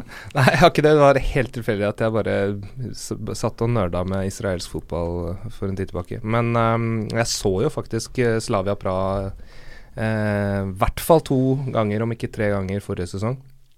Og de fremsto langt bedre enn eh, jeg hadde sett for meg. Eh, De hadde et lite eventyr, hadde de ikke det? ja. Uh, Jeg, lurer på om det var han derre Peter Olajinka, han uh, nigerianeren som jeg ble spesielt imponert over.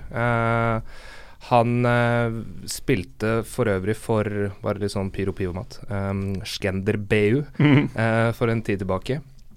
Eh, og i den forbindelse så eh, var det veldig store diskusjoner i Albania om eh, han skulle få lov til å spille på landslaget fordi han var god nok til det, noe han selv var interessert i. Men så kom landslagsdebuten for Nigeria i eh, 2019, da. Det var vel omtrent sammenfalt vel mens han spilte ganske bra i Champions League.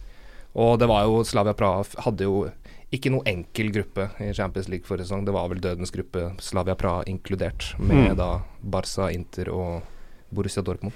Det er en av de, et av de morsomste klippene fra gruppetrekninga er jo når du bare zoomer inn på liksom, representantene fra Slavia Praha idet de blir trukket inn i den gruppa, og de bare sitter her og bare ler og, blir, og rister på huet og tenker ah, ja, ok, så nå har vi endelig kommet oss til Champions League. Vi skal spille mot Barcelona, Inter og Dortmund. Ja, takk skal du ha. Takk skal du ha. Ja, da, da får vi ikke være med her mer.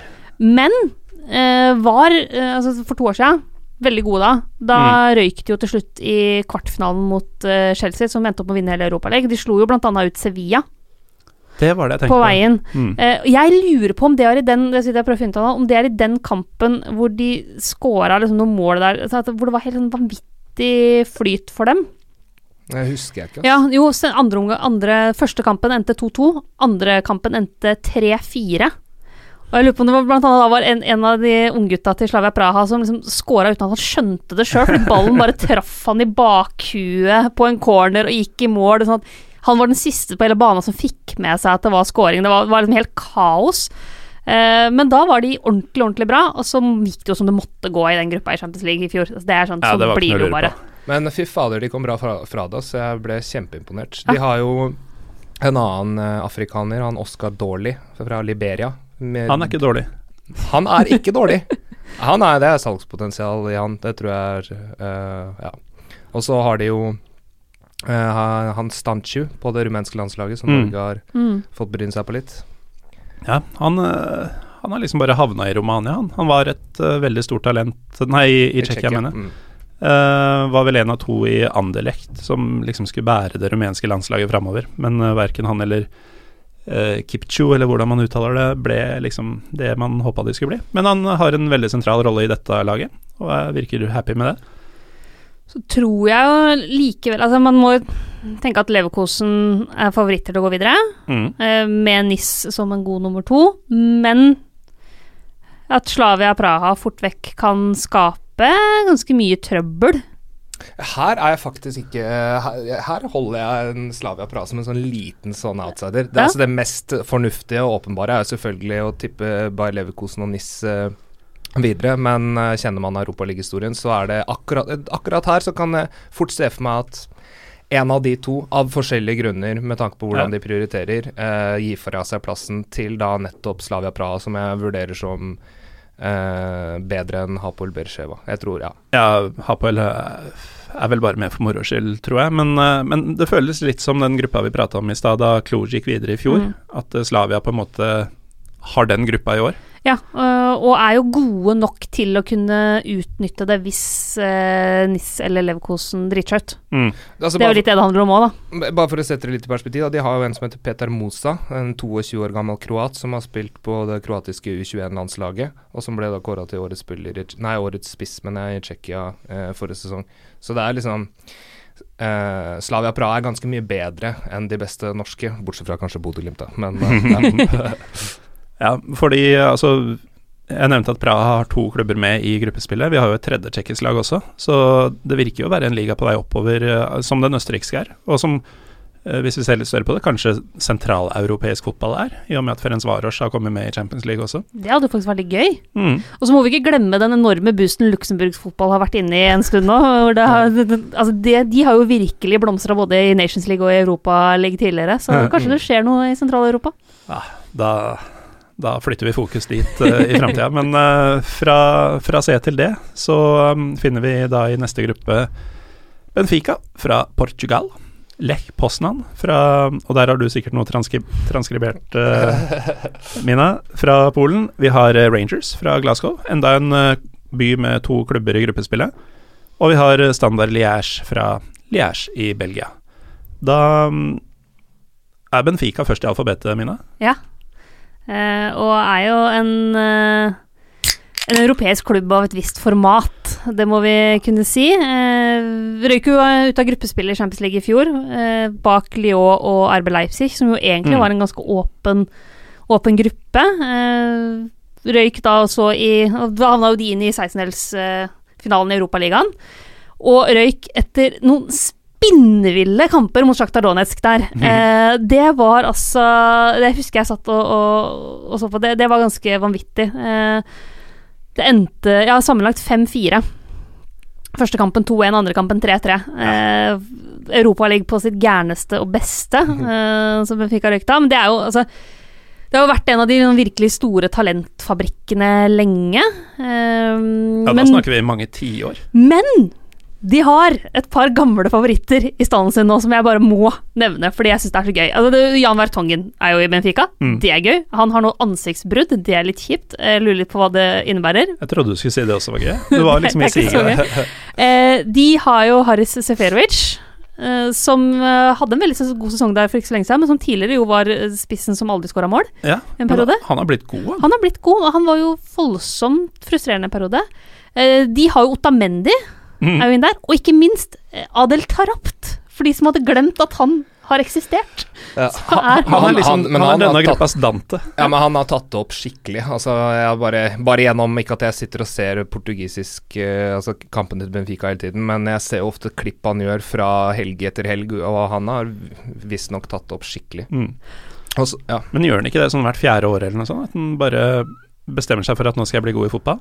og så skal jeg ha det gøy i Ja. et par måneders tid. Han er, eh, han er eh, Hatem Ben Arfa eh, det, det marokkanske svaret på Hatem Ben Arfa. Mm. Bare opphøyd i liksom annen, for jeg syns han er Ja, enda ja, ja, mer ekstrem i både oppturer og nedturer enn Ben Arfa. Eh, de har jo også henta da Everton, som eh, denne brasilianeren som har vært linka overalt uh, lenge. Han endte opp uh, der. Alle andre steder enn Everton? Ja, det, jeg syns jo det er fryktelig sånn ordspillmessig tungt at han ikke gikk til Everton, men jeg skjønner at kanskje han har slått til andre prioriteringer enn mine ordspill. Mm. Um, og så har de jo da uh, altså Mile Svilar. Husker dere den, de to ukene han hadde i 2017? Han Mot var Manchester United. Ja. når han, 18 år og dreit seg ordentlig ut Nei men, en nei, men han hadde da eh, I løpet av et par ukers tid så ble han jo som 18-åring den yng tidenes yngste Champions League-keeper. Mm. Tidenes yngste til å redde straffe i Champions League. Og tidenes yngste til å skåre sjølmål Ja. i Champions League. Altså til yngste keeper, da. Ja. Mot United der. Og da var det vel Belgia og om det var Serbia, tror jeg, som Mm. krangla eh, ordentlig om å få han til å knytte seg til sitt landslag. Nå har han korona. Eh, jeg har eh, litt eh, å si om eh, Du var inne på eh, Jan Fertongen Otamendi. De har også en, eh, sin kaptein, 34 år gamle uh, Chardel. Alle de Mm. tre er uh, fremragende fotballspillere. Og så har de i tillegg da uh, leid inn uh, Jean-Claire Tojibo fra uh, Barcelona. Så de har jo rett og slett fire midtstoppere som det oser kvalitet av. Todibo var vel fast for Schalke forrige sesong, på Må utland. måneden spiller i februar eller mars eller noe sånt også. Mm. Eh, så har du jo Jorge Jesus som mm. er tilbake, som ga en eh, det, det her føler jeg Kontroversiell type blitt, han. Ja, han er jo en eh, original. Han har egentlig hatt helt fremragende resultater med Flamengo, mestvinnende Benfica-treneren gjennom tidene. Og gikk da til erkerivalen Sporting. Jeg er jo over snittet opptatt av derbys. Sporting Benfica er jo et ganske heftig derby. Mm. Og dro dit. Jeg tror var det fordi han ikke fikk eh. Han var fornøyd, misfornøyd med lønnstilbudet til Benfica. Tror Ja, jeg det, var- det var jo altså Jeg husker ikke detaljene i det, men, men det, var, det var jo en såpass spektakulær overgang um, Ja. at det var ikke liksom bare klubbbytte. Det, det var omstendighetene rundt som var det, eh, det var en fuck you, liksom, Mm, til Benfica. ja. Og det Sporting havna jo to poeng bak Benfica, som i utgangspunktet er et ganske mye mindre konkurransedyktig lag enn Benfica tradisjonelt sett. Så Mm. gjorde de det den sesongen han var her. Jeg lurer på om han var der kanskje to sesonger òg. Men eh, eh, det er spesielt, altså, at han er tilbake. Uh, kom jo også til Copa Libertadores-finalen med Nei, han vant jo Copa Libertadores mot Var det River? Han, eh, han vinner i hvert fall uansett Ja, mm. hvor han er. Ja, han er så- fantastisk suksess. Han Var for- også i Saudi-Arabia eller noe sånt, tror jeg. Men kanskje det at han er tilbake nå Kanskje det har kunnet skje fordi det ikke er eh, tilskuere på stadion? Gå, eh, Skal du lirke- Skal du lirke noen over på godfoten igjen, så er det jo best å gjøre det mens ingen ser på. Mm, ja, ja. Slippe protestene og buinga og grisehodene og ja. Ja, men Hvis de herjer utover hele høsten nå, da, og så begynner det å komme folk på stadion i april f.eks., så er det vanskelig å være forbanna lenger. Sant. Um, men de har jo sånn ved første øyekast fått en ganske enkel gruppe, men ved Mm. andre kanskje ikke så mye. Um, hvem blir den argeste konkurrenten til Benfica her, uh, Mine? Eh, Vanskelig å si. Det er litt vanskelig, for da skal vi vurdere polsk liga opp Mm. mot skotsk liga og opp mot belgisk. Jeg lurer på om den letteste måten å vurdere polsk liga er at kapteinen til Lech Poznan er Thomas Rogne. Ja. Det betyr vel fort at den polske er svakere enn både skotsk og belgisk. Det er nok eh, sant, ja. Men eh, men Lech Poznan har en spiller som jeg gleder meg litt til å se i Europaligaen. Og det tipper jeg veit hvem er. Ja, vil du gjette? Jakob Maader. Nei, faktisk ikke. Jeg gleder meg til han også, men jeg gleder meg også til å se Mikael Ishak. Eh, sve, altså svensk-syriske Mikael Ishak, eh, som var en del av det her eh, svenske U21-laget som vant EM i 2015, Mm. sammen med Jon Gudetti og et par andre der. Eh, og har liksom vært i Köln og vært innom Krotone og Nürnberg og starta i Asyriska FF, som er sånn fot svensk fotballklubb for svensk syrere Mm. Eh, men eh, står med fire mål og en målgivende på de fem første seriekampene, og vært veldig on fire i kvaliken, så han gleder jeg meg. Altså, det er sånn, jeg, jeg gleder meg litt til å se ham. Jeg, jeg, jeg, jeg skal kose meg litt med det. Må jo ta med, når vi først er inne på et uh, lag fra gamle kommunistblokka, at her har vi da igjen å gjøre med et lag som var sterkt knytta til Jernbaneverket. Mye jernbane i Europaligaen. Det er veldig mye jernbane. Det er jo sånn interrail-turnering, egentlig. Ja. Um, polsk fotball for deg, uh, Tobias? Det er eh, Det er eh, av og til Henning Berg og Thomas Rogne, men først og fremst mye spanjoler. Og jeg tror den mest spennende spilleren til Lech Poznan er Dani Ramires, som kommer fra La Fabrica, altså akademi til Real Madrid. Ja. Så han tror jeg er stjerna på laget her, uten at jeg veit det helt sikkert, men det Ja, ja. Jeg tror bare i Pyro Pivo kan du høre spørsmålet svar Hva er polsk fotball for deg? Først og fremst mange spanjoler. Jo, nei, men uh, bare hvis du, hvis du sjekker på hvilke spillere som dominerer ekstraklassa i Polen, så Mm. er det et kobbel av spanjoler, altså. Både i Legia Warszawa og Lech Poznan. Ja. Det er jo litt som vi var inne på med, med franske talenter og franske spillere og fransk bredde tidligere. At det er, det er for mange gode fotballspillere i land som Spania. Ja. At uh, det faktisk tyter over i sånne ja, i anførselstegn bakgårdsligaer, da, som dette her, hvor spillerne fortsatt er vanvittig bra. men bare ikke topp fem worthy. Og de, de, land, de, altså de nasjonalitetene man ser igjen til stadighet, basert på hvilke som hvilke nasjoner unnskyld, som eksporterer flest spillere, så er jo Brasil soleklart nummer én, Argentina nummer to og Nigeria nummer tre. Så de tre mm. nasjonalitetene de finner du veldig ofte, i, spesielt i Europa League-spillerstallen. Men uh, apropos spillerstallen til disse, så er det jo ganske internasjonalt også i um, Altså det er, det er spillere fra, fra Spania. Det er um, en portugiser, det er um, flere østeuropeere fra forskjellige lag, uh, land. Du har uh, Ukraina, Kroatia, Serbia Norge. Ja, uh, faktisk. Kapteinen, altså Thomas Rogne. Rett og slett en glemt fyr. Um, det, har han bare hengt rundt i Polen de siste åra, eller? Gifta seg med Ada Hegerberg og ja. ja. Spilt fotball, ja. Nei, men han er jo tidligere landslags... Han fikk jo et par landskamper ja, ja, for ganske mange år siden. Uh, men jeg må innrømme, jeg har ikke sett Thomas Rogne én kamp siden han spilte i Wiggen. Så, ja, det gjorde han også. Jeg, ja, han var jo Celtic, og så dro han til Wiggen. Og så var det vel innom uh, IFK Göteborg, var det det? Og mm. så dro han til Polen etter det. Men jeg aner ikke hvordan nivået hans er. Nei.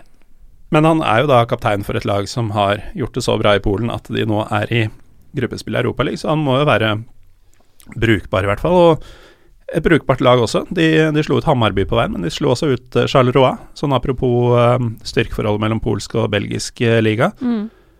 Og da tar vi en smidig overgang over til Standard Liège, som var med i fjor også. Fordi i um, forberedelsesdokumentet jeg sendte til dere, så kopierte jeg rett og slett bare teksten fra samme i fjor.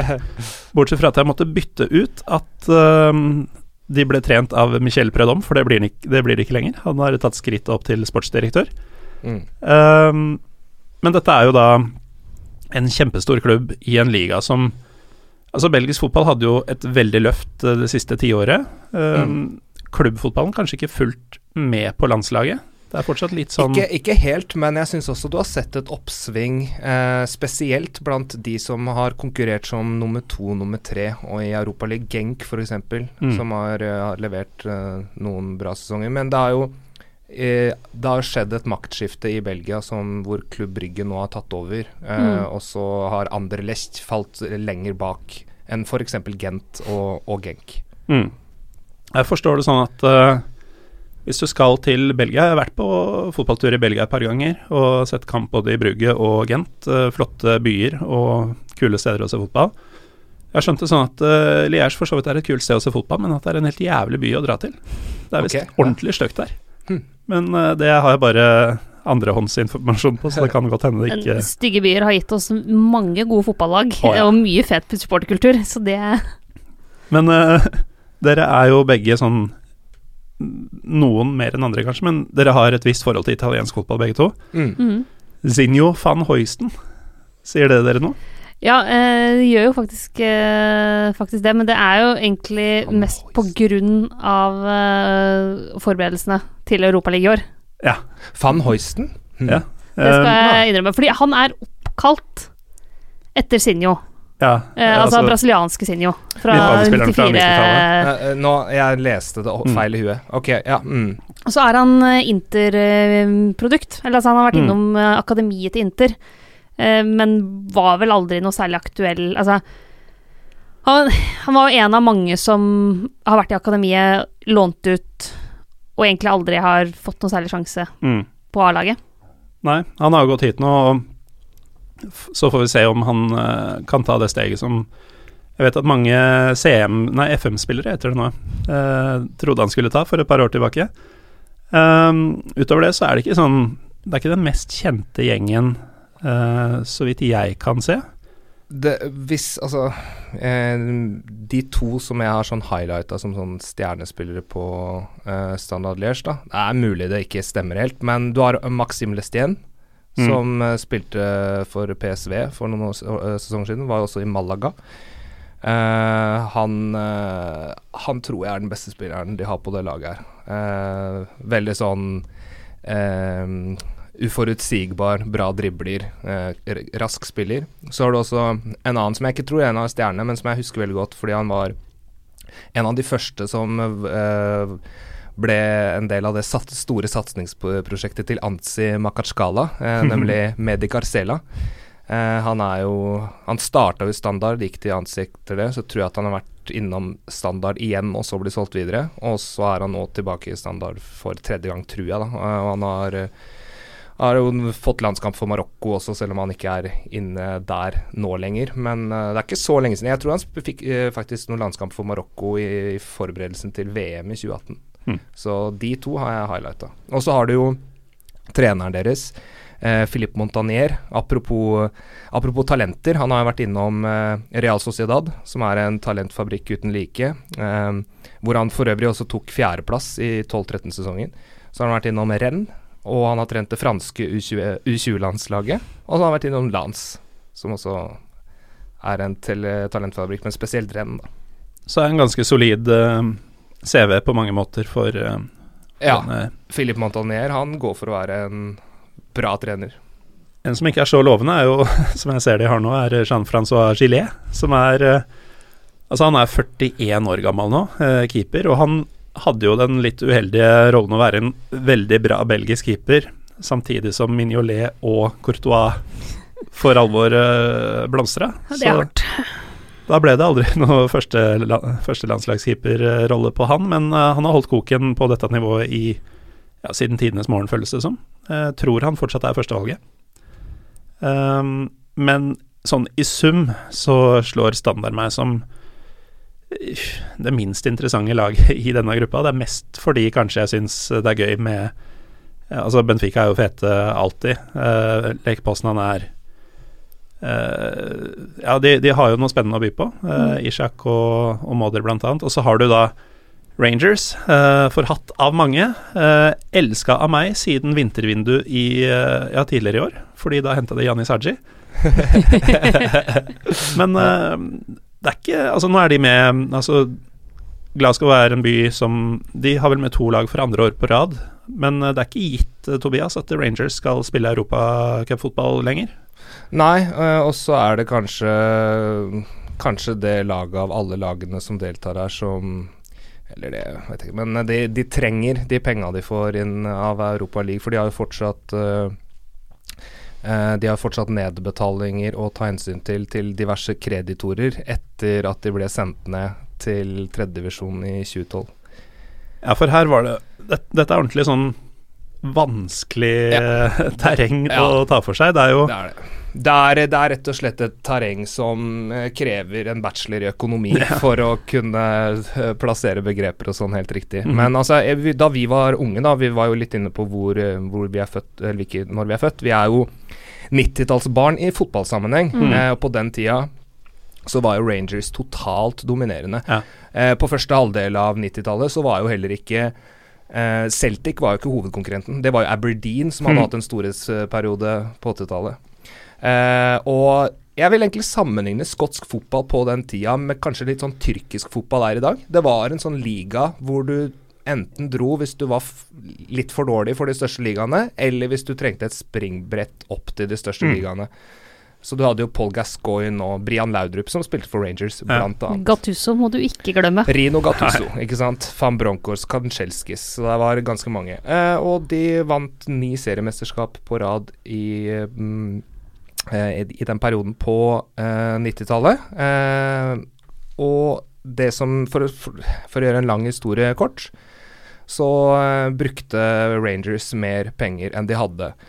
Og det her må jo selvfølgelig ses i sammenheng med Celtic, ikke sant? Fordi Celtic og Rangers er jo to av de største erkerivalene som fins i fotballverden. I hvert fall i fotball-Europa.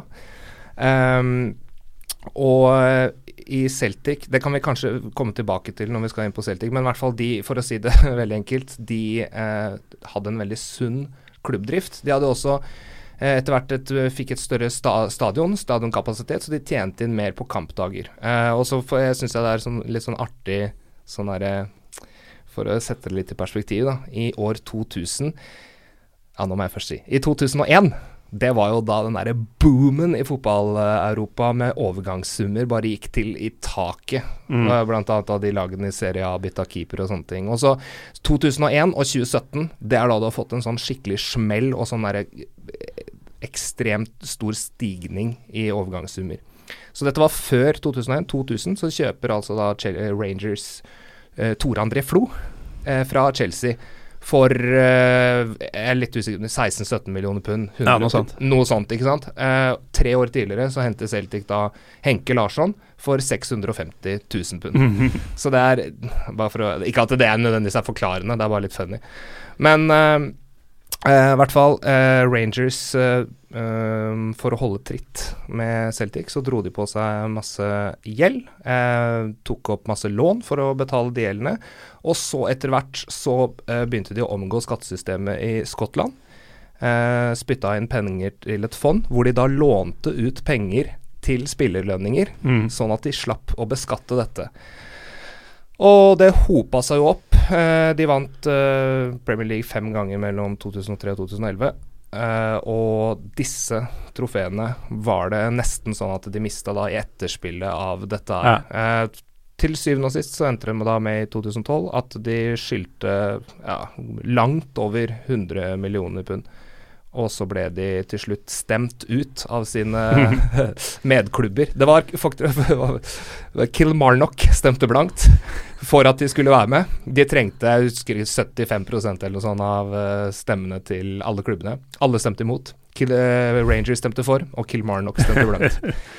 men det, ja. det, gikk jo såpass langt at uh, nå er det jo spesielt Celtic-fans, men så også andre som ikke vil Rangers vel, som uh, omtaler dem som Sevco, eller altså De mener mm. at det ikke er ja, for Samme, det var noe med navnebytte og mm. sånne ting der også. Som, ja. Fordi at det som, det som, skjedde da, for at de skulle kvitte seg med denne gjelden, da, så eh, måtte de bytte navn, opprette et nytt eh, selskap, og så overføre verdiene til det nye selskapet, men etterlate gjelda der. Så, mm. Men de betaler fortsatt til kreditorer, og det var ikke så sent som forrige sesong, tror jeg, så var det sånn at de, eh, de var helt avhengig av de pengene de fikk i Europa League for å kunne overleve det året. Så det er men denne tvangsdegraderinga den skjedde jo for bare åtte år siden, eh, Mina. Imponerende mm. at de nå er med for eh, ja, andre året på rad, i hvert fall.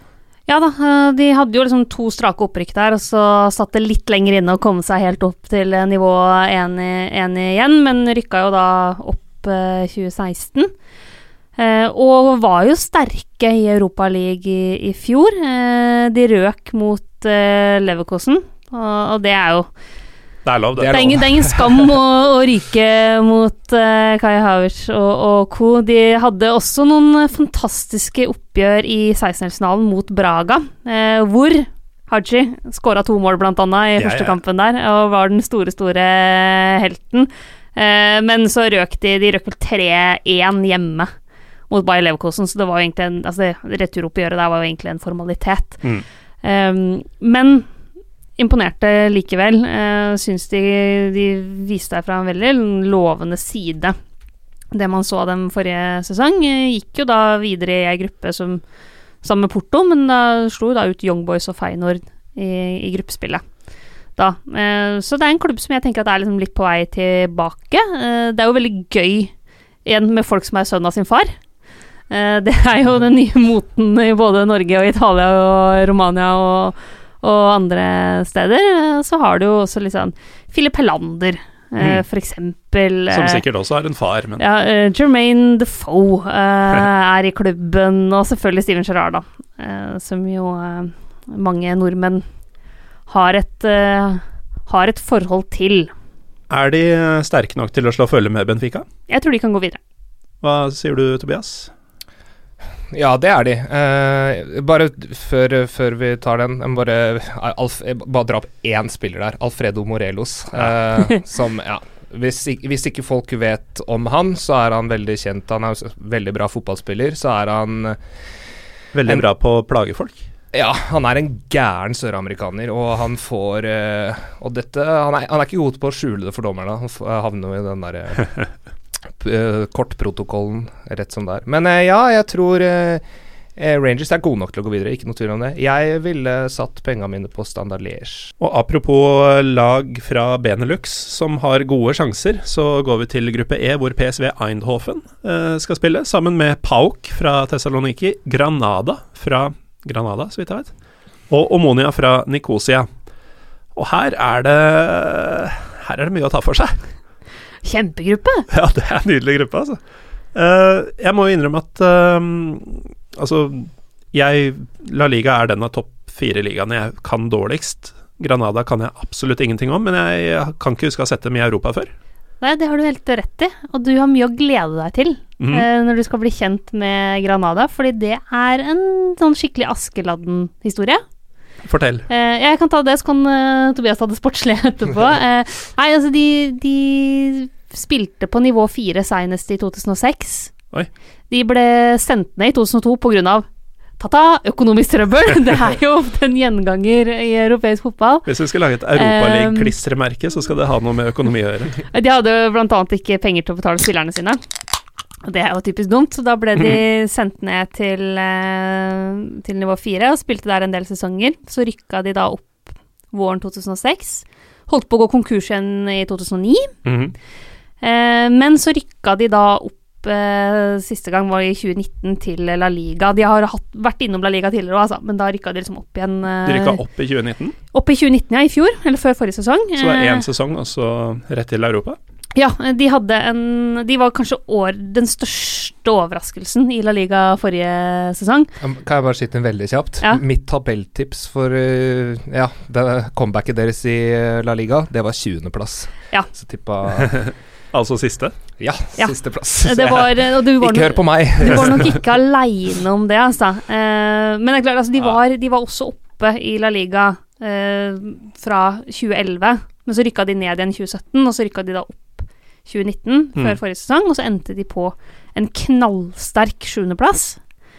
Eh, mye takket være at de har vært utrolig flinke til å låne spillere. Altså, Og det de har- ser det ut som de har fått til denne gangen også. Ja. Jeg har til og med hørt om en av lånespillerne, eh, Jesus hvem da? Vallejo. Ja, ikke sant? Ja, de har en del sånn evig utlånte. De har jo også Kennedy, som har vært Chelseas eiendom i veldig mange år, men stort sett eh, vært lånt ut. Jangel Herrera, eh, Mm. lånt inn fra Manchester City. Den er kjempeviktig. Ja, det er stjerna. Eh, ikke noe tvil om det. Men det er sånn at en klubb som i 2006 spilte på nivå 4, eh, og som var nyopprykka før 2019-2020-sesongen, tok sjuendeplass i La Liga, har tatt seg hele veien gjennom kvaliken, skal ut på europeiske eventyr for første gang. Og da er det jo greit å ha en spiller som heter Luis Suárez eh, med i offensiven. Ja, eh, noen bitre Barcelona-supportere vil kanskje hevde at det er La Ligas beste spiss som heter eh, Luis Suárez, men eh, jeg tror, kanskje ikke det stemmer helt. Men eh, i hvert fall eh, noe som må nevnes med Granada, som jeg er ganske sikker på, er at dette er det eneste laget i både Europa League og Champions League-gruppespillet denne sesongen som aldri har spilt en europacupkamp før. Eller Du sa det kanskje? Jeg vet. Ja. Uh, Ja, for det, dette er ikke bare en Europaliga-gruppespills Nei, det var, po det var poenget mitt. Mm. Uh, Mina var nok innom det. Uh, men eh, det, fordi på, de hadde en sånn storhetstid på 70-tallet hvor de fikk to sjetteplasser. Men på den tiden var det jo mange færre representanter i Europa. Eh, bare fem, faktisk. Eh, så dette er eh, etter min beregning første gang. De har Mm. I laget sitt så har de Yangel Herrera, som Mm. Mina er inne på. Som er Jeg tror det er den mest spennende spilleren. Maxim Gonalons er det sikkert noen er- Roma-supportere. God gammel traver. God gammel traver, ja. Eh, Luis Milla. Lu Luis Milla, ja. Han har eh, sett veldig, veldig bra ut. De har også Soldado, som eh, mange husker fra litt eh, rundt omkring tidligere. Han holder koken fortsatt, han. Og så har de henta en av mine liksom, darlings, nemlig Jor- Jorge Molina fra Getafe, som jo var med på å slå ut Ajax av Europaligaen forrige sesong. Er det han som ble landslagsspiller som 35-åring? Nei, sånt? det er eh, Mata, som eh, han Ja. spilte sammen med. Ja, Men som ikke er like er ikke gammel, 35 men, men Molina er jo, nærmer seg jo 40 og ja, blomstra godt etter fylte 30. Eh, han henta de for å få inn litt rutine. Og Antonio Puertas som debuterte i La Liga som 27-åring etter å ha liksom spilt årevis på lavere, i lavere divisjoner. Så det er, det er en artig gjeng, syns jeg. Altså For å sette Jorge Molinas øh, håper å si litt sånn bisarre karriere i perspektiv, så har han to opphold bak seg i Benidorm. Ja. det er fint. Ja, det, Det er poetisk. det er nydelig, altså.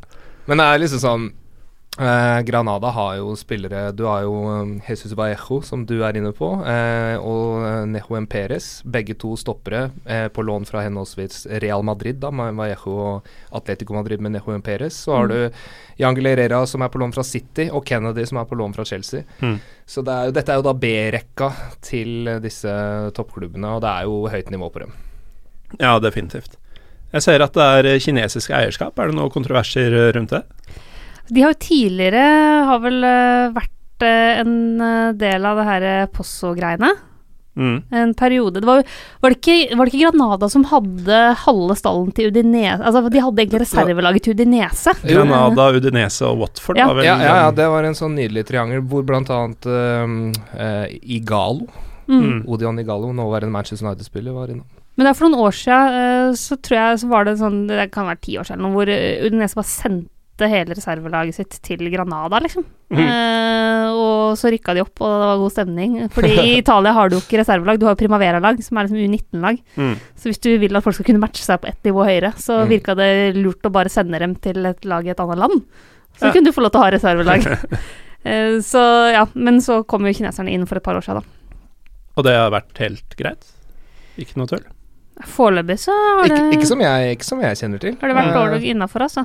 Altså er det jo noe med det at så lenge du har sportslig suksess, så blir ikke Mm. eventuelt tull highlighta. Det er først når det går gærent. Så nei, nå ser de veldrevne ut, og de Men eh, det er bare sånn liten Español var jo med i eh, fjorårets uh, Europaliga, og eh, endte da på 20.-plass.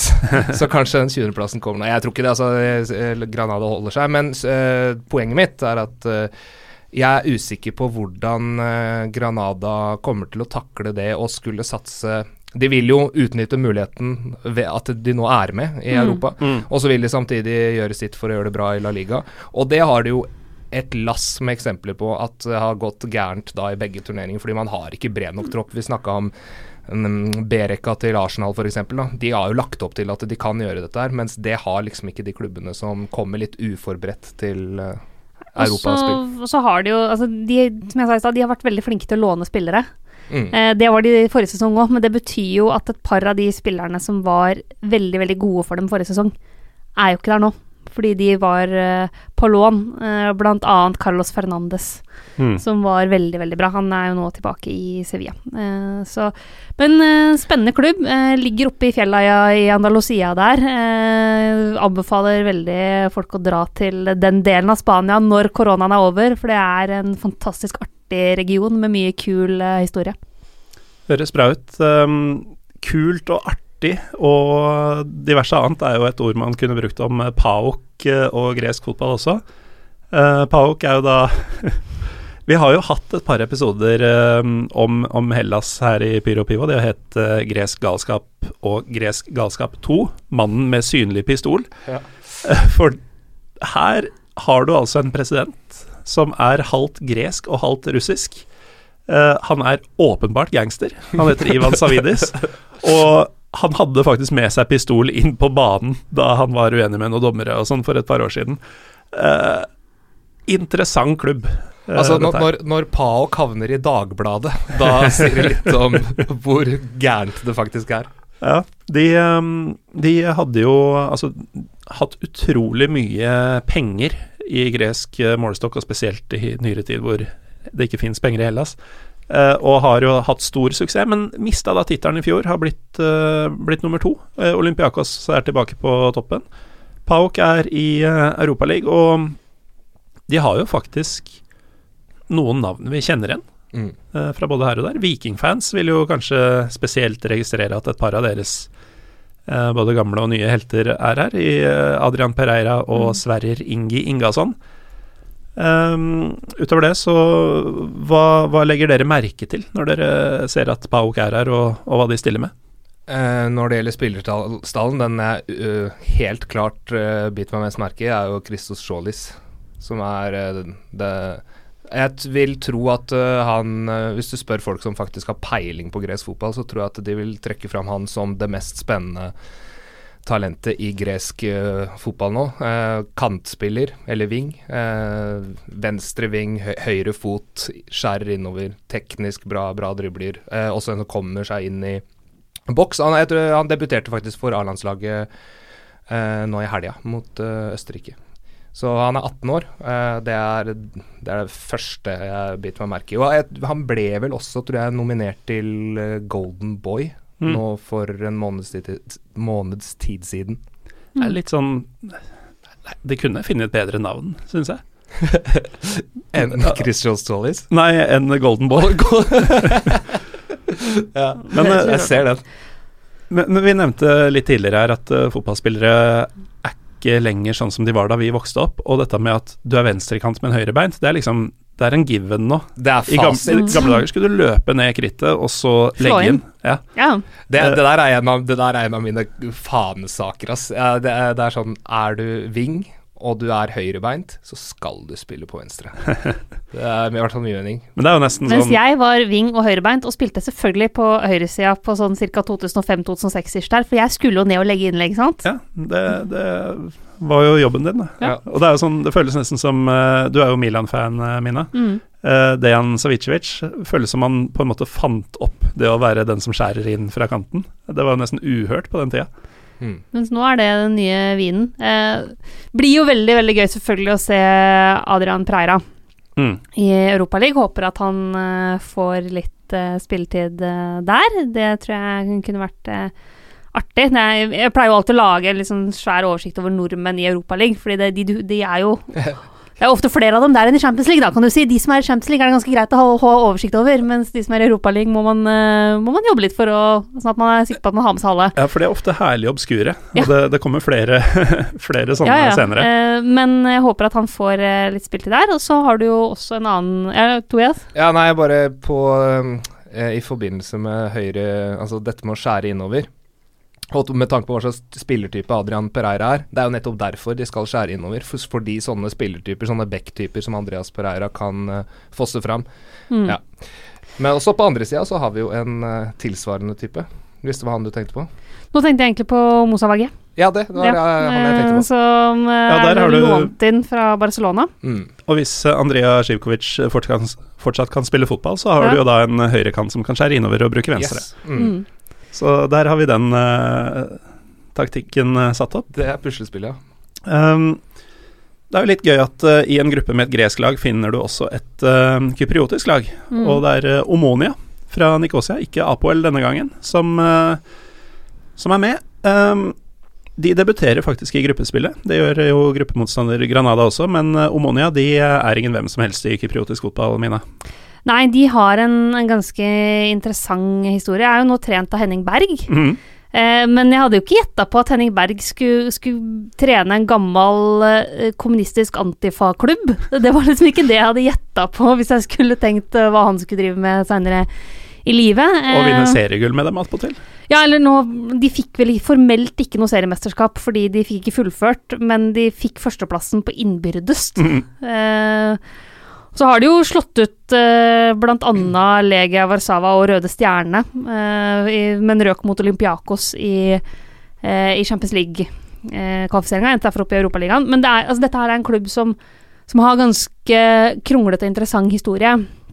Eh, hvis vi går tilbake til 1948 mm så er det jo en situasjon hvor det er Det er jo uh, rett etter annen verdenskrig. Uh, det er jo uh, borgerkrig i Hellas. Eh, og Kypros eh, har jo da noen britiske koloniherrer som de er liksom ikke kjempefornøyde med. Um, I 1948 så er det storstreik og aksjoner fra industriarbeidere i stor skala på Kypros. Eh, man har en framvoksende kommunistisk bevegelse, arbeiderbevegelse. Så har du en også høyreorientert eh, bevegelse som vokser ganske kraftig, og en del nasjonalister som er litt sånn på tvers her, som er først og fremst mot britene. Eh, som, eh, så det er en ganske sterk, harde fronter mellom britiske styrker, høyreorienterte grupper og kommunister og arbeiderbevegelsen. Mm. Eh, og det her er også det året hvor Omonoya blir stifta. Eh, det er borgerkrig i Hellas, det er mange gresk-kypriotiske kommunister som uh, drar og, i krigen på kommunistenes side der. Eh, lokale myndigheter på Kypros og britene er jo veldig, veldig antikommunistiske. Og Apoel, da, som er erkefienden deres, eh, sender De er også kjent for å være ganske høyreorienterte. De sender da et telegram til det greske idrettsforbundet, eh, hvor de bl.a. avslutter med at Apoel som sportsklubb håper på en slutt på det kommunistiske mytteriet i Hellas. Eh, det er det da fem venstrevridde Apoel-spillere som nekter å signere på det brevet. Ja. Eh, og det vekker ganske sterke reaksjoner. Eh, I avisene så eh, skrives det at eh, disse fem-seks kommunistiske fotballspillerne må hives ut av vår stadion. Eh, de kan heller få lov til å bygge sin egen stadion eller gå, dra og spille for det russiske fotballforbundet og så videre og så videre. Eh, og blir jo da til slutt også kasta ut. Først suspendert i tre måneder, og så ekskludert fra all aktivitet i klubben. Eh, det blir da starten på en ny fotballklubb, Omonoya, som da egentlig betyr enten harmoni, samhold, enhet, noe sånt på gresk. Eh, som da stiftes på et møte ikke så lenge etterpå. Eh, de skal da spille grønne drakter for å hedre de greske ungkommunistene for deres innsats mot nazistene under andre verdenskrig.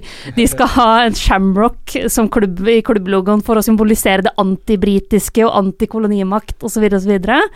Og blir da klubben for eh, kommunistene og arbeiderbevegelsen på Kypros. Eh, har fortsatt ganske sterke bånd til Akel, det gamle kommunistpartiet, som nå er et slags arbeiderparti-ish. Jeg skal ikke påstå at jeg er noen ekspert på kypriotisk partipolitikk.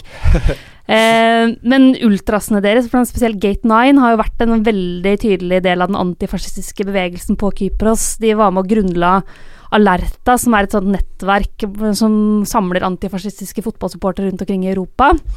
Eh, De har organisert liksom sommerfestivaler mot rasisme, delt ut gratisbilletter til immigranter osv. Og så, videre. så det har vært en veldig sånn politisk klubb. Mm. Eh, men for et par år siden så hadde de kjempeøkonomisk trøbbel, så da eh, var det en sånn USA-basert kypriotisk businessfyr, Stavros uh, Papastavro, eh, som da tok over liksom fotballdelen av eh, Omonoya, og da produserte Ultrasen og Gate 9 eh, voldsomt. Så jeg tror de nå først og fremst støtter de andre i grenene av Omonoya enn fotballklubben. Mm. I litt sånn i protest over at de har fått en businessmann som eier, og det strider mot klubbens idealer. Men det er en veldig interessant klubb, eh, og jeg er litt usikker på om Henning Berg på en måte har, har vent seg til at altså Vanligvis så ville du på, på kamp sett stort sett liksom Che Guevara-flagg og veldig mye sånn Altså Av og til så ser det ut som det er revolusjon i gatene når denne klubben her har Mm. vunnet en fotballkamp, liksom. Så ja, nei, så det, jeg syns det er en spennende, spennende bekjentskap. Nydelig greie, og um, kan jo da nevne at uh, Pyro og Pivo selvfølgelig ikke bare har én, men to episoder om kypriotisk fotball liggende ute fra, fra gamle dager. Ja. Uh, blant annet for ikke så veldig lenge siden, fordi det lå jo an til at uh, Apoel og Omonia skulle møtes med norske trenere i begge klubbene. Mm. Mm. Uh, og det lagde vi en episode på, men det, så langt kom vi ikke, fordi Kåre Ingebrigtsen fikk fyken lenge før den matchen skulle spilles, sånn ca. to måneder etterpå. Uh, siste laget i den gruppa er um, navngjetne PSV. Og de trenes av Roger Schmidt, uh, Tobias. Vi prata litt om uh, offensive tyske trenere tidligere. Ja. Han, han er ikke noe unntak, han. Nei, eh, Roger Schmidt uh, presenterte seg jo for alvor som eh, Salzburg-sjef. Nok en sånn gegenpress-trener. Og uh, da Pep Guardiola trente Bayern München, så skal han visstnok ha vært såpass imponert over Roger Schmidt at uh, han uh, fikk arrangert en treningskamp uh, mot Salzburg, som for øvrig Salzburg vant eh, 3-0. Um, så det er ganske spennende. Og det, han, er jo, han er vel en sånn 4-2-2-2-4-4-2-trener for PSV, som tradisjonelt har vært et eh, 4-3-3-lag, eller ja, som alle nederlandske lag, egentlig. Mm. Så, men eh, jeg, jeg er veldig Når jeg ser på Roger Schmidt og de spillerne PSV har, så er det liksom et av de lagene som jeg gleder meg til å se, og som, til som jeg kommer til å prioritere å se i årets eh, gruppespill. For her er det mye spennende, Mina. Ja, eh, jeg falt jo pladask forrige sesong for uh, nå 18 år gamle Mohammed Ja. Ihataren. Mm. uh, som bare uh, tok meg med storm, rett og slett. Sjelden sett en 17-åring med en så moden spillestil. Fantastisk fot og overblikk. Eh, Ja. Veldig, veldig bra. Er jo, det var en sånn dragkamp mellom Marokko og Nederland på hvilke landslag han skulle representere. Har jo snart fylt 18 eh, nå. Eh, han er jeg veldig spent på å se Mm. igjen. Eh, har jo vært litt mindre bærebjelke i laget etter hvert kontra hva han var periode forrige sesong, men han har blant annet ikke spilt noe særlig Har vært benka i Europaliga-kvaliken og litt sånn, men, men han tror jeg blir bra. Og så er det jo også da Doniel Malén. Ja, Mm. og, og, og vi snakka litt om Nicolo Saniolo tidligere. Mm. Eh, en fyr som eh, ikke har vært heldig så langt i karrieren, men som har et fantastisk talent. Mm. Ja, Altså, han mista jo ganske mye av forrige sesong pga. skade, men han, han rakk å skåre liksom 11 mål på 14 seriekamper eh, før likevel, da, Mm. sjøl om han mista ganske mye av sesongen med skade. Og herja jo om Rosenborg. Ja, altså han var jo uh, linka til Han var jo eh, en av de seriøse de, de spillerne som ble seriøst linka som erstatter for f.eks. Luis Suárez i Barcelona. Mm. Og eh, ja, eh, hvis han eh, klarer å unngå skader, så eh, kommer ikke han til å bli værende i PSV veldig lenge. Nei, og så er det jo sånn at både um, Ihataren og, og Malen har jo tross alt litt rutine å lene seg på nå, da. Mm. I og med at både van Hinkel og ikke minst Mario Götze eh, ble, ble henta inn nå rett før vinduet stengte. Tenk at Mario Götze skal, skal få en sjanse til. Ja, tenk eh, den mannens karriere etter han ble matchvinner VM 2014. Det er altså et så, en så trist historie å følge det Altså, han, har, han har en helt fremragende bra karriere, men jeg husker jeg, jeg, jeg husker jeg skrev Det var før jeg begynte å uh, spy ut eder og galle på Twitter, men uh, jeg husker uh, Jeg lurer på om det var i 2012 eller noe sånt. Nei, kanskje 2011, tror jeg det var. Han, jo, 2011. Han var vel 19 år eller noe sånt. Da lista jeg opp uh, tre spillere som jeg trodde kom til å være kandidater til å vinne Ballon d'Or etter Messi og Ronaldo. Og da nevnte jeg Neymar og Mario Götze. Husker ikke hvem den tredje var. Men Mario, altså, han, var, Ja. han var bare helt absurd god, da. Og da han avgjorde VM-finalen, da var han jo på hell allerede. mm. Ja. Så Det var litt overraskende at det skulle være han. Ja, Det ja, var ja. ikke sånn Nei, nei, nei. Så, men det er eh, veldig mm, spesielt. Men han har hatt en jævla bra karriere. Eh, og det blir morsomt å se han også. Og så er det jo, mm, hvis de har noen til å heade ballen i dette laget, da, så har de jo også henta inn eh, verdens beste venstrefot i Philip Max. Um, må ha hatt tosifra antall målgivende fra, fra frispark og cornere i flere år på rad, tror jeg, i Augsburg. Uh, men utover det, altså PSV Litt som vi prata om Niss i stad, det er et lag man bør prøve å få sett en del. Ja. Hvis, hvis man først sitter og lurer på Ja, det er ikke noe spennende noen av de klassiske traverne jeg vil se, da. Se, se PSV. Det tror jeg vil lønne seg. Relativt åpent uh, sportslærer, eller? For- Kjempeåpent. Og det er litt sånn fordi Granada på sitt beste er dritbra. Uh, Mm. Men hvordan de skal håndtere, som vi snakka om, belastning på altså kampbelastninga, fryktelig vanskelig å, å spå. Jeg trodde jo PSV skulle klink videre i fjor. De røyk jo i gruppespillet. Så her synes jeg det er Den her syns jeg er veldig vanskelig. Men i utgangspunktet så får vi vel tro at PSV er videre. Ja, jeg kan bare skyte inn en ting akkurat når det gjelder PSV. da For at eh, jeg, jeg er jo veldig, veldig sucker for eh, Ajax. eh, og alt de, deres historie og deres metoder og alt det. Og spesielt nå da med Erik Ten Hag, som er min favorittrener. Eh, men det koster å miste Matais de Licht, Frenkie de Jong, eh, Hakim Ziyech osv. Um, det er grenser for hvordan Ajax kan erstatte disse spillerne. Mm.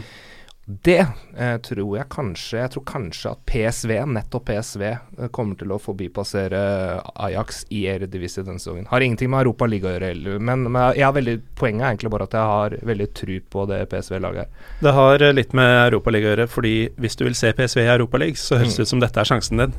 Ja, eh, og-. Og, og, og PSV var litt down forrige sesong, men sesongen før der så hadde de også en, et utrolig imponerende bra lag med Mm. Mark van Bommel, og den eneste grunnen til at de egentlig sto tomhendte, var nettopp pga. Erik Ten Hags eh, Ajax. Ja. Gullgenerasjonen til Ajax, ja. Mm. Men uh, nei Eller en av mange opp igjennom. Men uh, Ja, Mina, har du noe Jeg tror uh, jeg t Det er vanskelig å vrake et spansk lag i Europa League. De er Ja, sant. stort sett solide. Ja. Um, så for meg Det er litt kjedelig at vi alltid tar den derre dumpekandidaten på fjerdeplass. Jeg sier- ja. jeg sier Paok og PSV. Videre, ja. Mm. Okay, Det er deilig. Eh, Freidig. Ja, jeg, eh, Jeg jeg, sier Granada vinner enten gruppa eller blir gruppejobbo. ja, Det er ikke noe enten eller. Enten så er det helt på bånn, eller så vinner de gruppa. Nei, Granada de går videre, tror jeg. Og så tror jeg de får med seg eh, Jeg tror de får med seg PSV, faktisk. Selv om Palk er spennende, nei, men det er bare fordi at uh, nå har jeg liksom flagga at jeg tror veldig på PC, Så da må jeg stå litt for det. Uh, vi har uh, bikka to timer, så det kommer ikke som noen overraskelse at vi etter neste gruppe, som er F, uh, sier takk for i dag og heller kjører en del to neste uke. Um, men altså, gruppe E var vanskelig. Mm. Jeg syns gruppe F ser enda mer åpen ut, jeg. Altså, vi har, vi har Alkmaar Zanstrek, vi har Napoli, vi har Real Sociedad, og vi har Rijeka. Mm. Nå er det ikke Rijeka jeg tror blir jokeren her, men uh, hvem i all verden skal gå videre av de tre andre? Det må vi eh, finne ut av. Eh, Hvor begynner vi? Um, Tobias? Ja. Nei, vi kan begynne med det første side av laget, eh, Napoli. De er jo Det det er jo et sexy bekjentskap i dette selskapet. Altså Napoli skal jo ikke spille mot Rijeka. Men, men her er vi, og jeg er klar. Ja. Er Napoli klare, Mina? Ja, jeg tror det. Eh, De hadde en litt turbulent sesong i fjor, eller forrige sesong. Eh, Angelotti Det, det skar seg der etter hvert. Eh, Inn kom Gattusso. Og hvem skulle tro at Gattusso var mannen å gå til når man trengte noen som kunne bringe harmoni inn i en garderobe? Det var jo et trekk som ble greit latterliggjort. Ja, av veldig, veldig mange. Men det, har ikke- det gikk ikke så voldsomt gærent heller, altså. Eh, Og Gattuso har prestert bedre enn det de aller, aller fleste trodde han kom til å gjøre. Både med Milan og med Napoli. Mm. Eh, Så er spørsmålet litt hvor de satser. De har beholdt Kolibali. Nok et overgangsvindu. Mm. Eh, De har fortsatt Insigne som scorer for moro skyld. De har gjort noen kule signeringer. Så det er jo ganske åpent i Italia. Altså, Juventus og Inter og Atalanta, de aller, aller fleste tipper at de tre havner topp fire. Og så er det ganske mange om beinet om den fjerdeplassen. Og Napoli er definitivt ikke, fortsatt et av de laga jeg regner med for fullt i kampen om topp fire i Italia. Ja, samme her. Jeg, altså, når vi snakker om sexy lag, da, så syns jeg, jeg synes Napoli ser utrolig spennende ut. Jeg syns de ser liksom akkurat ikke solide nok ut til å kunne klare den fjerdeplassen i Italia. Ehm, eh, men uh, jeg syns de har et spillemateriale som er veldig spennende. Og det er liksom sånn derre når uh, Da eh, Carlo Ancelotti ble ansatt i Napoli, altså en fyr som har hatt gedigen suksess, en av de mest suksessfulle managerne i hele Europa, så var det et steg ned fra den uh, Sarri-fotballen som spilte. Og så går det videre et steg ned til Gattusso, uh, som man ofte forbinder da med som han var som spiller, med litt mer sånn rufsete stil. Men hvis du ser på det laget her, uh, spesielt angrepstrioen med Insigne og min kanskje nummer to-favoritt Nei, det skal jeg ikke si. Eh, det er eh, jeg, da da f- neglisjerer jeg Ronaldinho Iniesta. Jeg er jo veldig glad i Messi, som de som kjenner meg vet, men Dries Mertens, altså Mm. faderullan. Ja, for en spiller. For en vet du, Og det, det er sånn herre Dries Mertens eh, At han ikke har spilt på et høyere nivå enn for Napoli, med all respekt for Napoli. At ikke han har vært for en Champions League-utfordrer, det, det fatt, klarer jeg ikke å fatte og begripe. Jeg tror faktisk det har litt med eh, fysikken hans å gjøre, at, han har Mm. blitt undervurdert pga. det. Bare si, si en ting om Mertens. Eh, da han var eh, sånn i 15-årsalderen Jeg vet ikke om dere kjenner til han treneren Raymond Farheien? Ja. Ja, han eh, var jo med på da å etablere to landslag for 15-årslaget til Belgia. Ett som da skulle få resultater, og et annet utviklingslag. Og Mertens var på dette utviklingslaget, da, hvor bare de som var mest talentfulle, men som ikke var fremme i skoen helt enda, skulle spille på det nivået. Nei, eh, og så har du da Hirving Lozano, som eh, Som det ser ut som de kanskje kan få litt fart på nå. Fordi Ja. han, fant, han kom aldri ordentlig i gang forrige sesong. Han kom jo til Napoli sommeren 2019. Men uh, har jo vist tidligere i nettopp PSV at han har eh, et enormt potensial. Uh, og så har de jo da eh, også sign... De har jo brukt haugevis med spenn i sommer. mm, Eh, på Jeg tror det var overgangsrekord, tror jeg. Eh, på da Osimen, Viktor Josimen, eh, som er 21 år gammel og ser eh, kanon ut. mm. Og ja, har han fungert uh, foreløpig i Napoli? For det var en litt merkelig overgang, egentlig, med tanke på summen og sånn. Jeg syns han eh, ser eh, veldig, veldig spennende ut. Altså jeg tenker sånn der, Hvis du ser på angrepet til eh, Napoli sånn enhetlig sett, da, så har du både Lozano og Osimen med den der vanvittige farta og den kraften. Og så har du da Mertens og Insigne som har det fantastiske ballspillrepertoaret og den kreativiteten.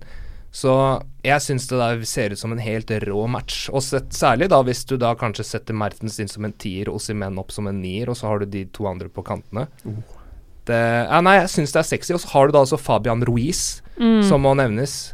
Som er også en spiller som fort kunne Eller hadde det ikke vært Hadde ikke den økonomiske situasjonen i Europa vært sånn som den er nå, så kunne du fort sett en overgang uh, for han i sommer til en enda større klubb, kanskje i Spania. Mm. Så nei. Nei, Det blir gøy, altså. Hvis Gattusso velger å satse skikkelig hardt på Europaligaen, så skal de bli tøffe. Eh, Men de har en vanskelig gruppe, da.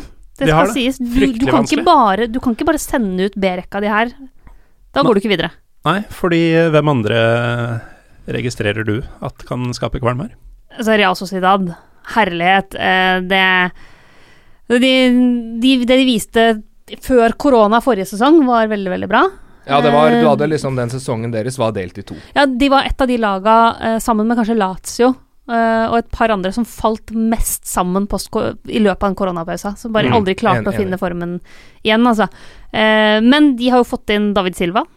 Det har de. Det er jo ikke Det er jo snacks å kunne bare hente inn eh, David Silva i et lag som allerede er kreativt, offensivt artig. Apropos Real Sociedad og Lazio, som han var veldig nære. Ja, Uh, Lazio er ikke fan av han lenger. Eh, de har en spiller som Oyarzabal, som jeg er veldig, veldig svak eh, for. Eh, Mikkel Merino, som var kanonbra forrige sesong. Eh, Alexander og, de, og Isak. denne. Ja, Alexander Isak som eh, fortsatt er i utvikling, men eh, tidvis uh, uh, veldig, veldig bra. Alexander Isak, jeg mener han har eh, levert mer enn godt nok til å sette William José på benken. Og det som også er eh, litt sånn interessant med det Real Sociedad-laget, det er som Mina sier, de var eh, veldig gode før eh, korona. Eh, da Før korona. Eh, før pandemien brøt ut. Eh, og veldig sånn ja, de, Jeg, jeg syns nesten de minna litt om sånn Atletico Madrid var da de nådde sin peak, med tanke på sånn her aggressivt og direkte mm, eh, angrepsspill. Eh, og så eh, det, Jo, det som jeg syns er interessant med det laget her, er at eh, du har både en førsterekke som er veldig veldig bra i angrepet, men du har også spillere i bakhånd som er veldig spennende. Eh, Barenchea, for Mm. eksempel, eh, på venstrekanten. Du, mm, en som er ekstremt viktig for dem, som absolutt ikke er andrerekke, men det er Porto. Som er, og der har du igjen dette med, som vi snakka om med Napoli, den farten Mm. sammen med de andre kreatørene, som Oyarzabal, David Silva, Mikkel Merino er i større grad. Eh, og så har du også Jan Osai. Jeg er ikke verdens største fan, men hvis du ser på han rent teknisk Hater Janusai. Hva- eh, På, på grunn av fyren, eller nivå, nivået hans? Eller sveisen. Um, alt. Nei, jeg syns han Jeg, jeg syns han er så dårlig.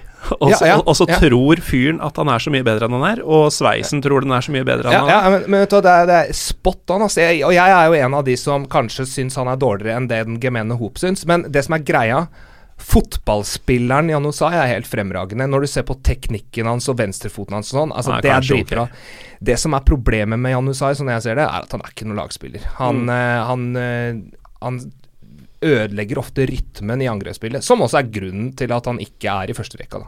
Mm.